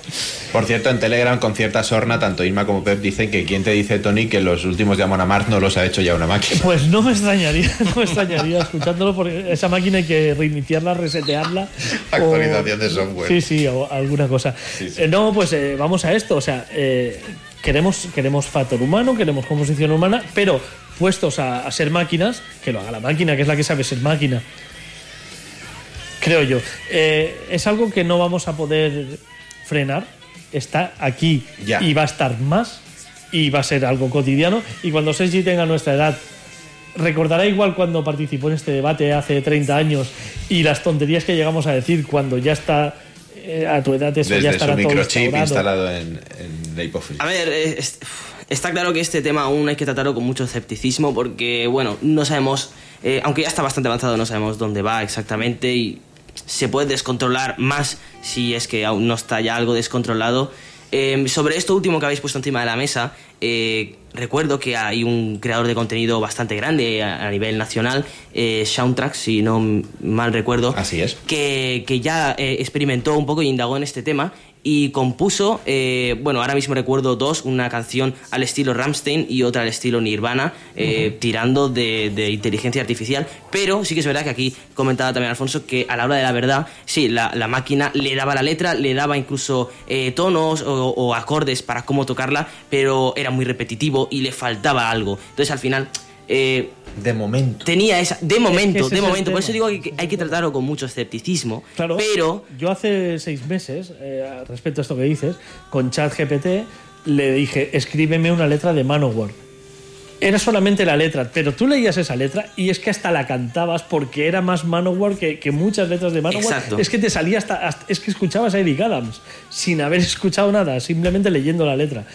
Eh, claro, todo esto se va a perfeccionar porque hace seis meses a mí no me podías decir que esa letra que, que me generó esa, ese chat Ah, Power Steel y. bueno, sí, claro, tampoco y- las letras de bueno, Manowar son. Bueno, pero por eso te digo, eh, eso que me escribió en una pantalla ChatGPT, ahora ya te lo plasma en música. ¿Qué pasará dentro de, ya no hablo de años, dentro de unos meses? Porque esto es rapidísimo.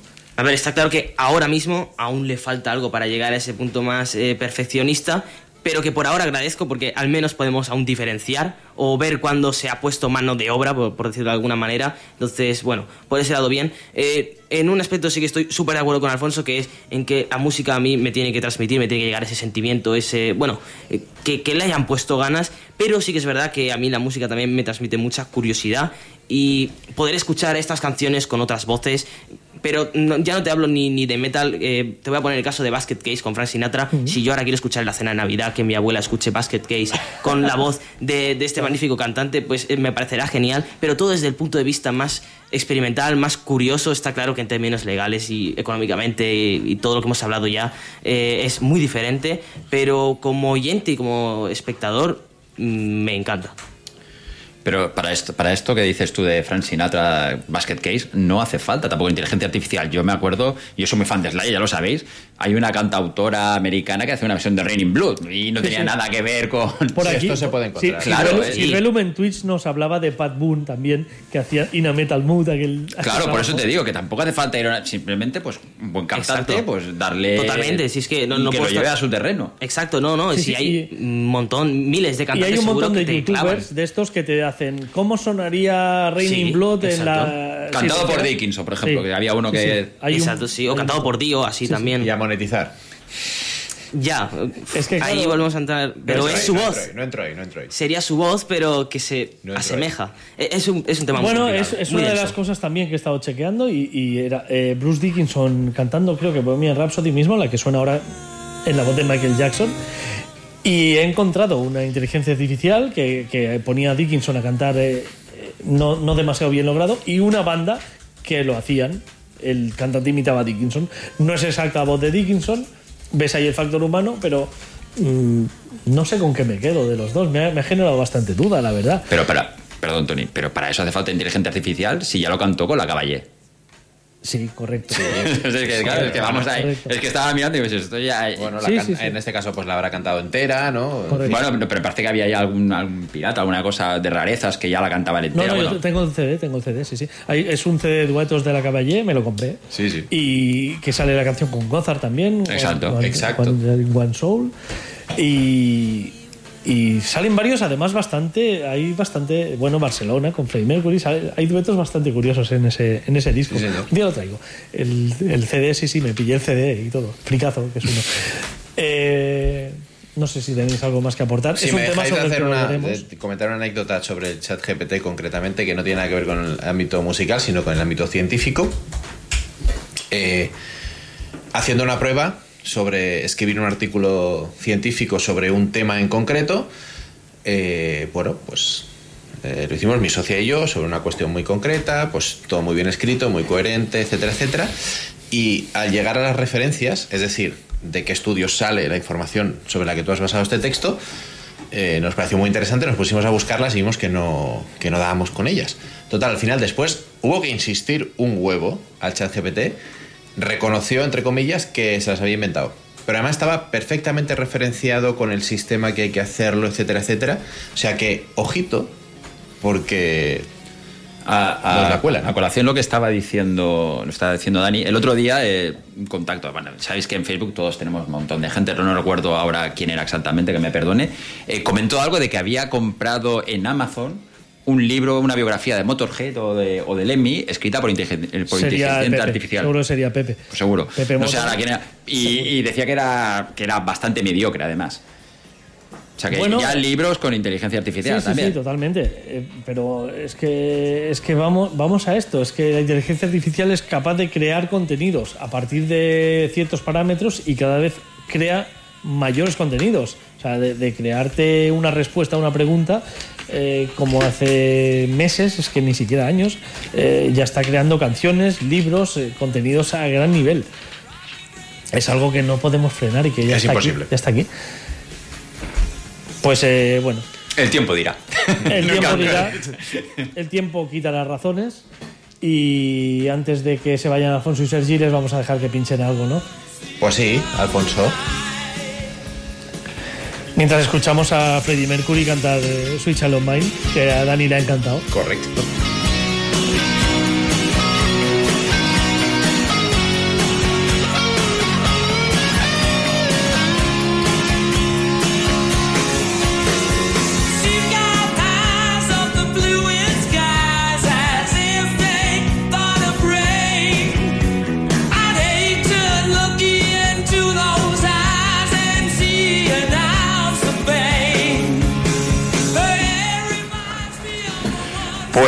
Pensado que para salir del embrollo este de, máquinas de inteligencias artificiales, pues si hay una banda que yo creo que todos, pues cuando se habla de, de- máquinas, ¿no?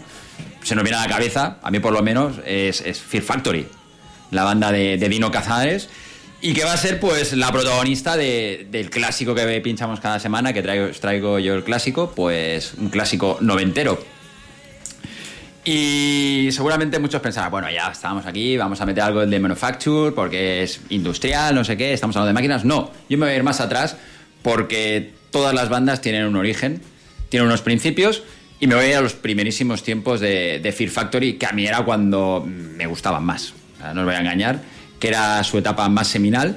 En este primer eh, Solo Machine ya había algún destello con algún samper muy lejano, pero era más eh, una banda de, de death metal eh, con toques greencore incluso. Quizás cercano a lo que estaban haciendo en aquella época Nepal Dead, con su utopía Vanished.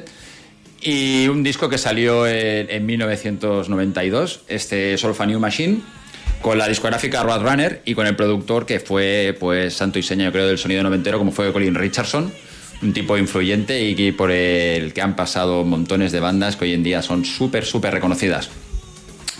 Eh, un disco que funcionó bien, yo creo que no tuvo la tanta repercusión. Es de aquellos discos que creció con el tiempo, cuando la banda ya dio el pelotazo, la gente miró hacia atrás.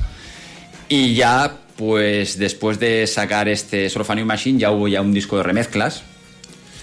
Que algunos temas ya salían ya con un toque más ya industrial, ya marcando el camino de lo que sería luego la banda en un futuro ya, eh, pues con The Manufacture, que ya salió un poquitín después, el futuro inmediato prácticamente.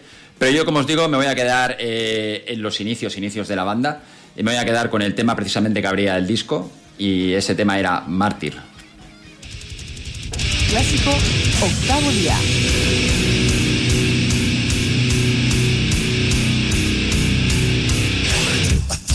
was life came to an end. Born into a world I never asked for this.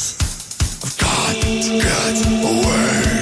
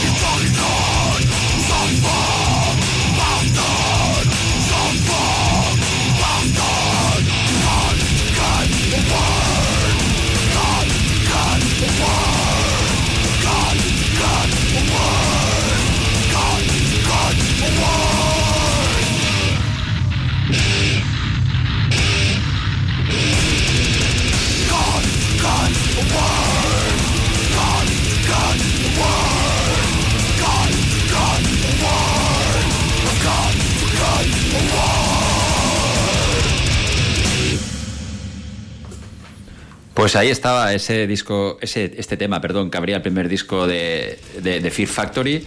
Y que bueno, algunos dirán, pues sí, esto ya es una Fear Factory, pero estoy de acuerdo que es una Fear Factory, pero en el sentido de, de las voces, que eran las voces limpias, que para la época era algo chocante que una banda tan cañera metiera estas voces limpias, así el rollo de iglesia que luego se hizo tan popular. Pero si os habéis fijado, no hay mucha máquina ahí detrás, hay una banda haciendo death metal a saco y sin concesiones.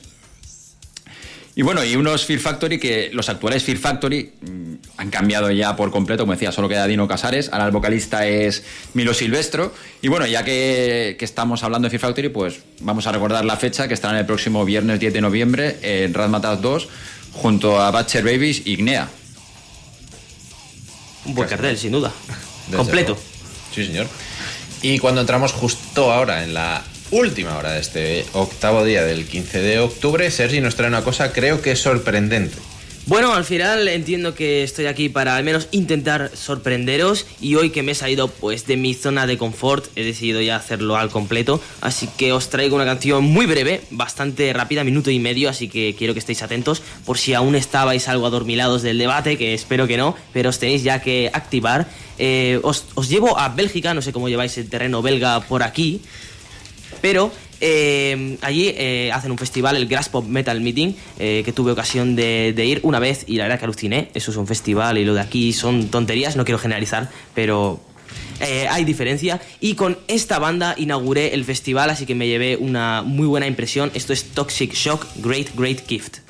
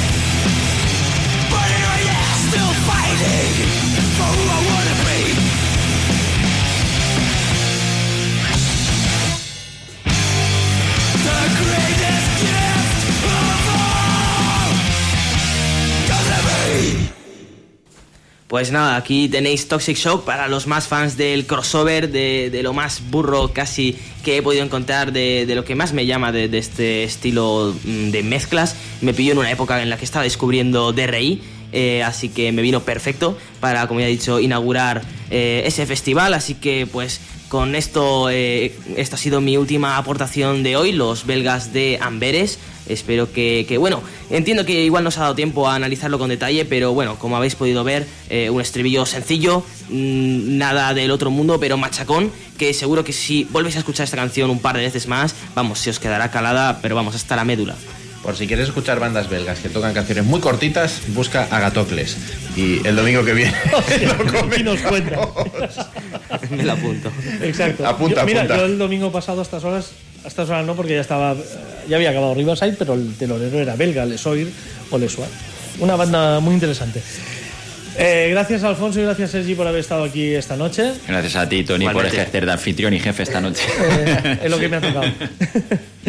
y proseguimos. eh, nos quedamos Dani y yo la última hora. eh, os prometemos eh, mucha calidad. Yo traigo una de calidad hoy que, que me supera.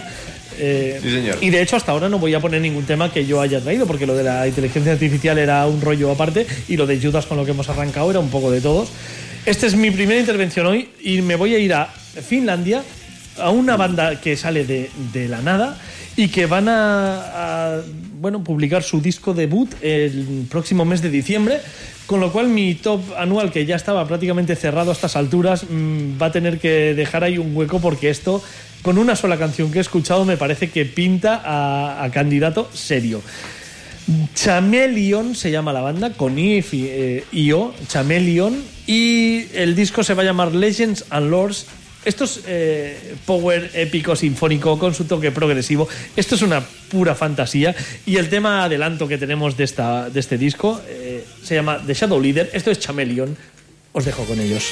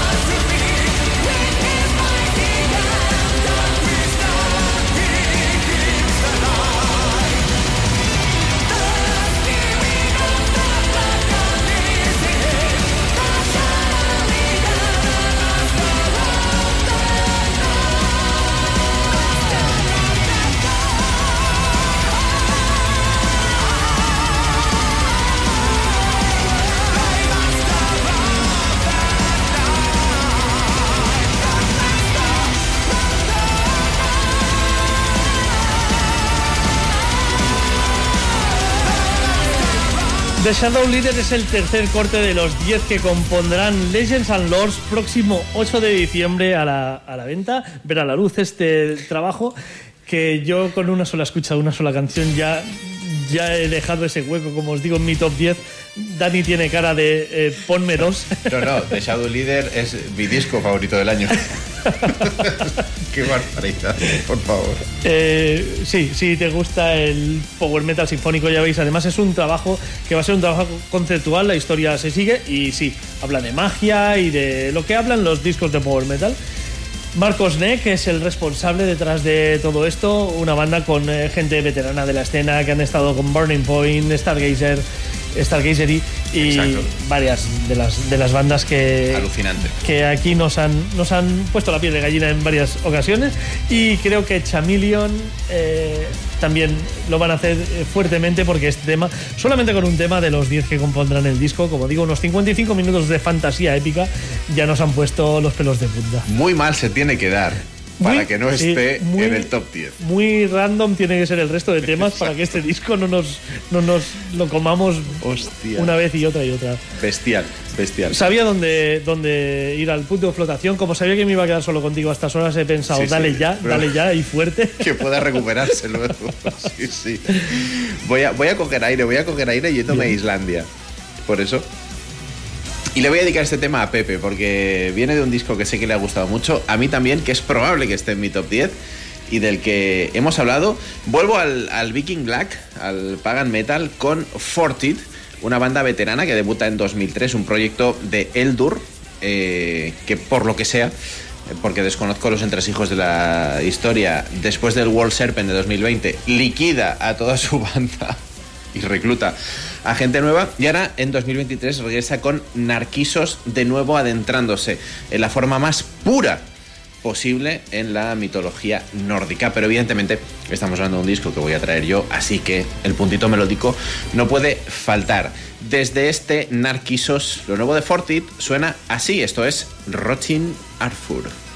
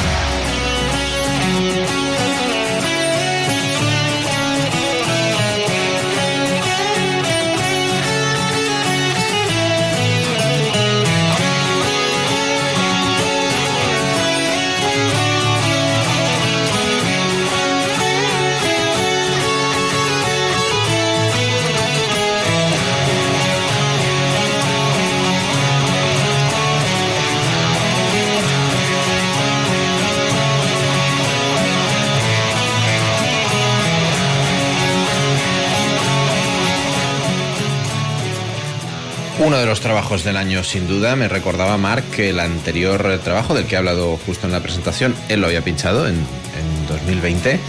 Eh, es una banda con muchísimo bagaje.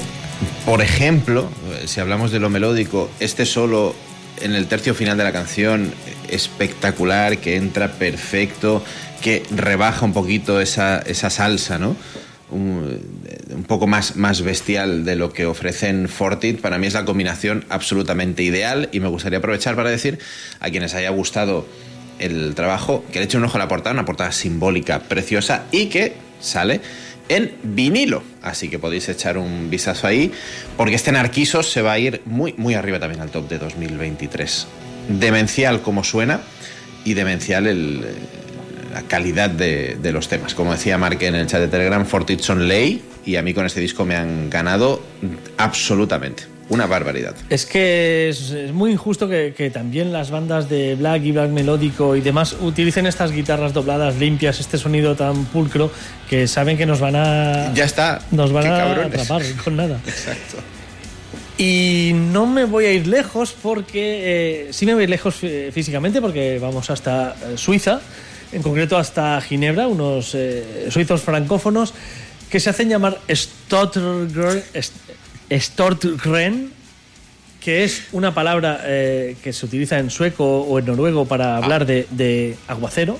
Hostia. Eh, espera, que te lo- mi amiga te dice cómo se pronuncia. Sturtrain. Claro, correcto, correcto, correcto. Inteligencia artificial, hasta para esto. Sturtgren es una banda suiza, como digo, nada que ver con eh, el idioma que da nombre a, a- a la banda, y que editaban el pasado viernes Finitude, uno de los trabajos que están también, sí, efectivamente, en esa recta final para entrar en el top 10 anual. En top va a entrar.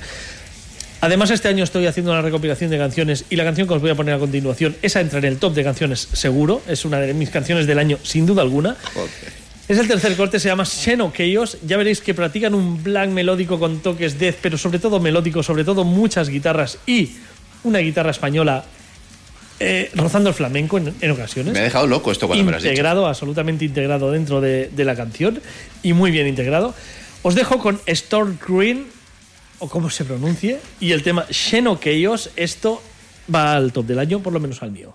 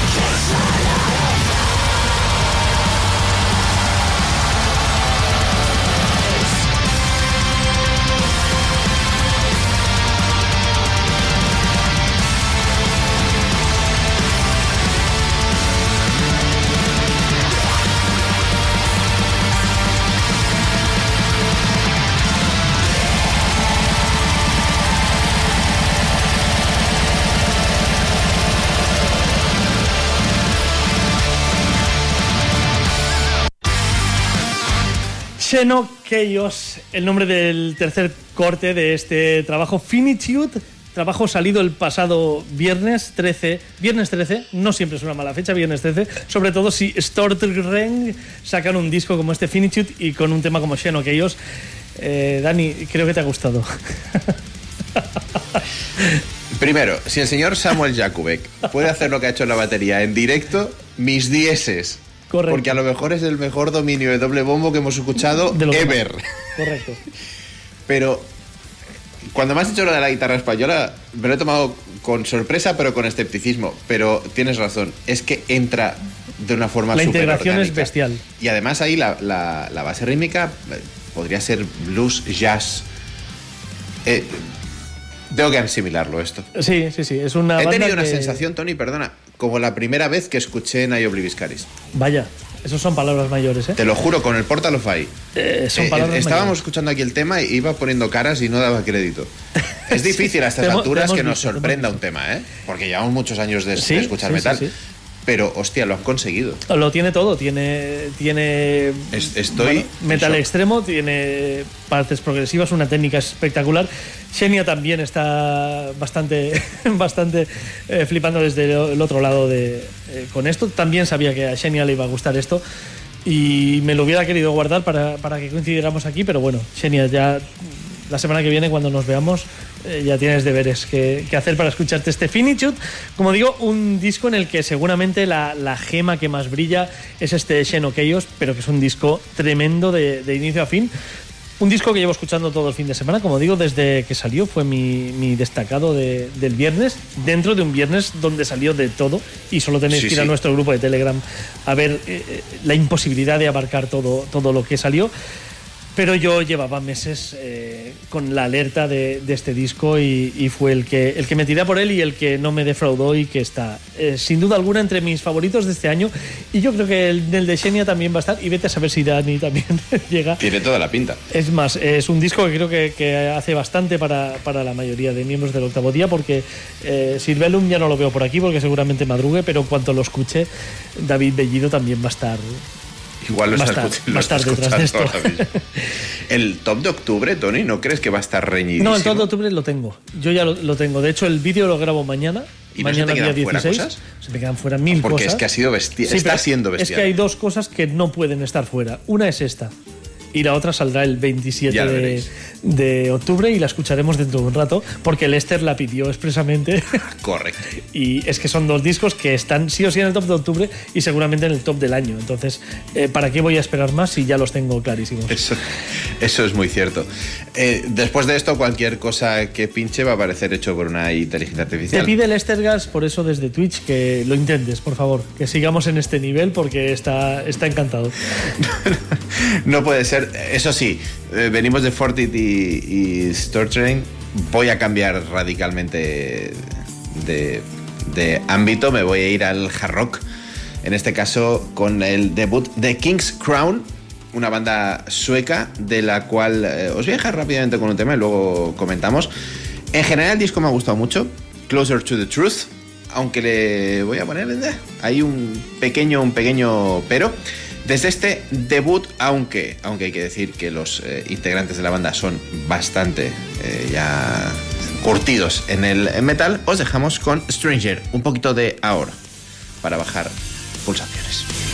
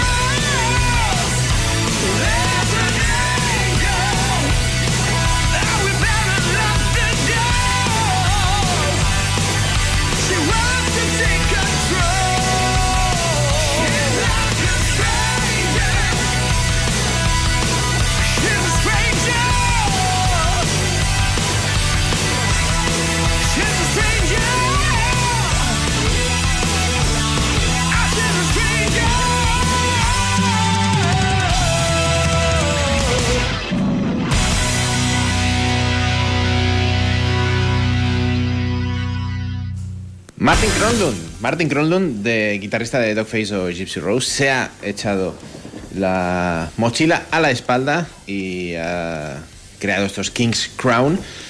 Eh, además, aliándose con Liz Moll a las voces, Anders Skog a los teclados o Pontus Egborg de Siempre hay un Pontus. batería de Glenn Hughes. Y por supuesto, bajo el amparo de Frontier Records sale este primer trabajo, Closer to the Truth. Y he de decir que me ha gustado mucho, pero es verdad que para este estilo hay ciertos teclados que se me hacen un poquito empalagosos. Me gusta algo más directo, eh, no tan, tan, tan melódico, y es el, el único pero que le voy a poner a En este, este, Closer to the en este Truth. caso, los, escu- los- perdóneseme el adjetivo, los he encontrado algo parpelianos a ratos, estos teclados. De hecho, ellos mismos dicen que beben mucho de, de ese tipo de, Ujú. de rock. Citan a Deep Purple, citan a Bad Company, citan a Whitesnake, Sí, sí. etcétera. Bad Y Company que- en las- el tratamiento de voces eh, me ha recordado también muchísimo Exacto. a Paul Rogers. y que lo pasan por el filtro del hard rock eh, sueco, etcétera, ¿no? Entonces sí que queda un poco ahí, pero no me acaba de casar. No me acaba de casar esos teclados con, con el estilo que hacen. Aún así, creo que para los amantes del hard rock y de la OR puede ser una propuesta muy interesante. Un muy buen este- tema, pero claro, es que veníamos hechos polvo de Storm No, no, claro, y, y cuesta, cuesta retomar eh, el pulso. Eh, me voy a quedar en Suecia porque os decía que yo ya tengo, Ojito. yo ya tengo mis favoritos de octubre. Unos son Stortergren y los otros, eh, sin duda alguna, y tan solo he escuchado dos canciones, pero es otro grupo que es una apuesta segura y más después de escuchar los dos temas. Quizá me gustaba más el primer adelanto que este segundo, pero vamos a poner el segundo que es más actualidad. Y es que ya tenemos segundo adelanto de Sorcerer, la banda de epic heavy metal que nos eh, eh, regalarán Reign of the Reaper el próximo día 27 de octubre que sin duda va a ser otro de los grandes lanzamientos del año, que estamos esperándolo eh, con muchísimas ganas. Está Lester Gas al otro lado, también esperándolo con las mismas o más que yo incluso. Después de aquel maravilloso Lamenting of the Innocent, que sigue siendo un disco al que recurro frecuentemente, y eso quiere decir que el disco te ha acabado mm, calando. De esos discos que si rehiciese mi top de, de su año estarían mucho más arriba, si no arriba Sí, del todo, porque seguramente es de lejos el que más he escuchado de, esa, de ese año. Reign of the Reaper se va a llamar lo nuevo de Sorcerer y el tema título suena así de bien.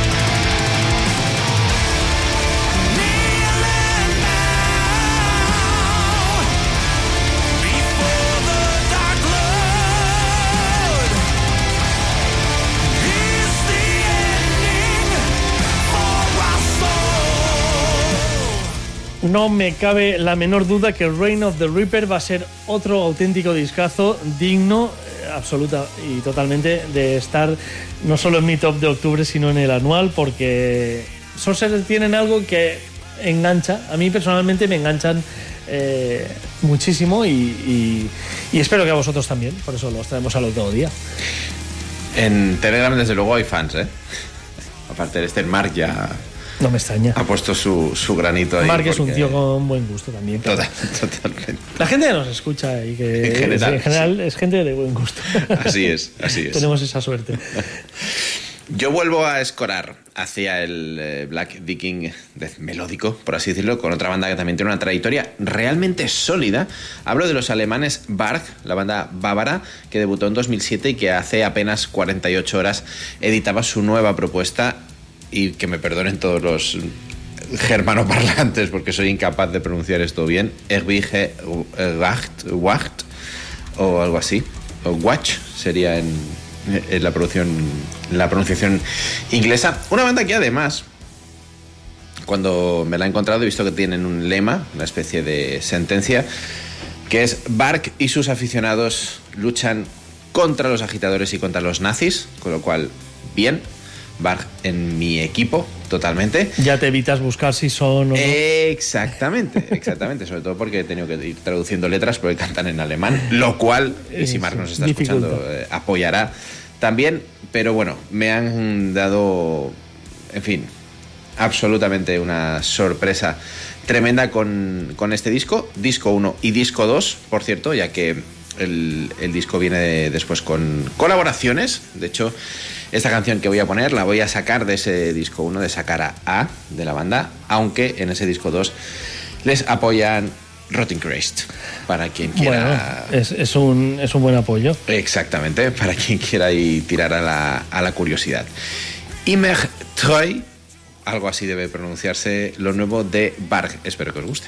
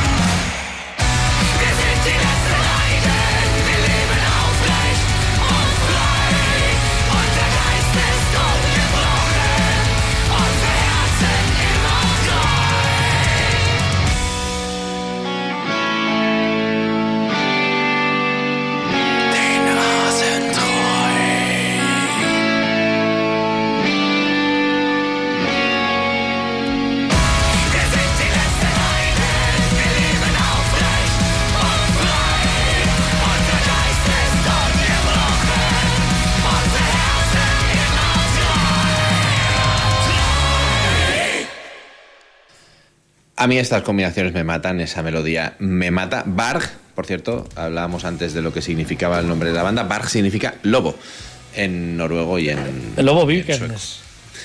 Sí, sí, Sí, sí, lobo solitario. Correcto.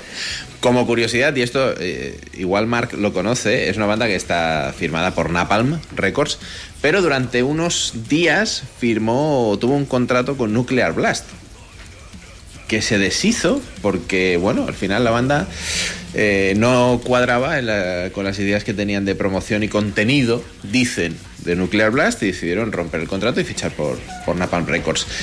Este Ewige Wacht me ha parecido una brutalidad y me gusta mucho, por cierto, que las voces limpias de la señorita Filja no sean, no escoren tanto a la lírica en modo soprano, que me parece un recurso ya un poquito manido. Me parece que así quedan muchísimo, muchísimo mejor. Genial disco para los que gusten un poquito de este estilo entre el black y el viking, mucho más melódico y que también, pues evidentemente, quieran adentrarse más en la mitología nórdica, que parece que nunca tiene fin de cara a las bandas del norte de Europa para editar trabajos. Así que muy bien, como decíamos antes, un octubre plagadísimo de, de buenos discos y un eh, metal, Tony, que nos da sorpresas de vez en cuando. Pues sí, es, es así. Nos da sorpresas constantes y por eso estamos tan enganchados a esto. Eh, creo que es así. Aquí habíamos eh, puesto, habíamos hablado en su momento de, de una banda que es con la que vamos a cerrar hoy, que se llama Siete Almas. Una banda que partía de las cenizas de bandas como Cuatro Gatos, una, una de las grandes bandas. Flipó en su día. Sí, en su, en su momento le dimos muchísima cera a aquella caja de música.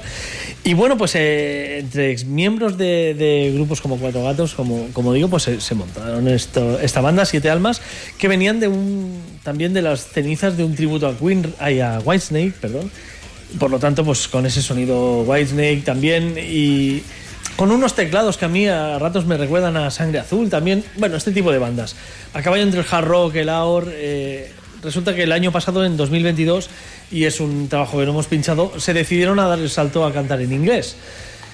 Y editaron un EP llamado Anjan. Anjan contiene seis temas, uno de ellos es una regrabación en inglés de uno de sus temas clásicos.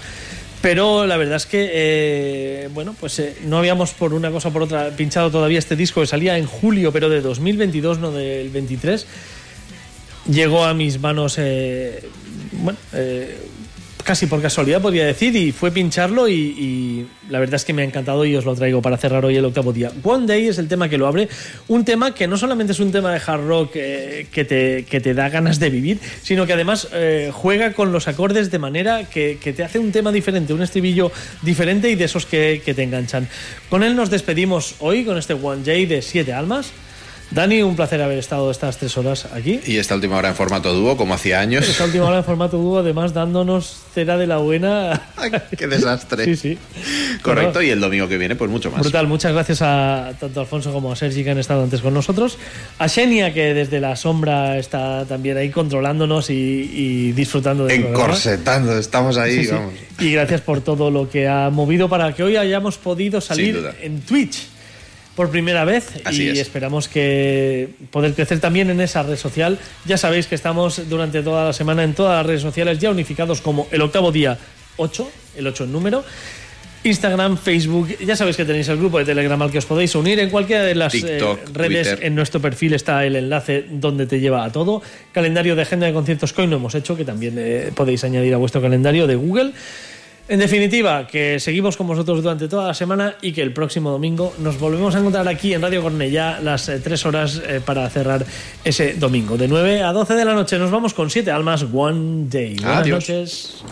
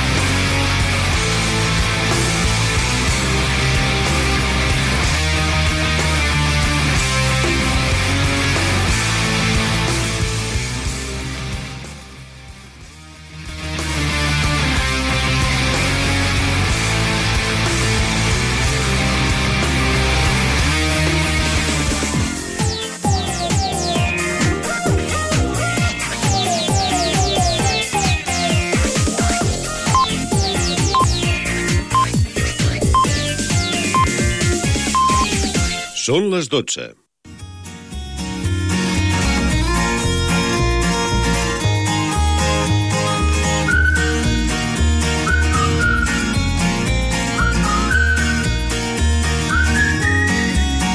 Molt bona nit.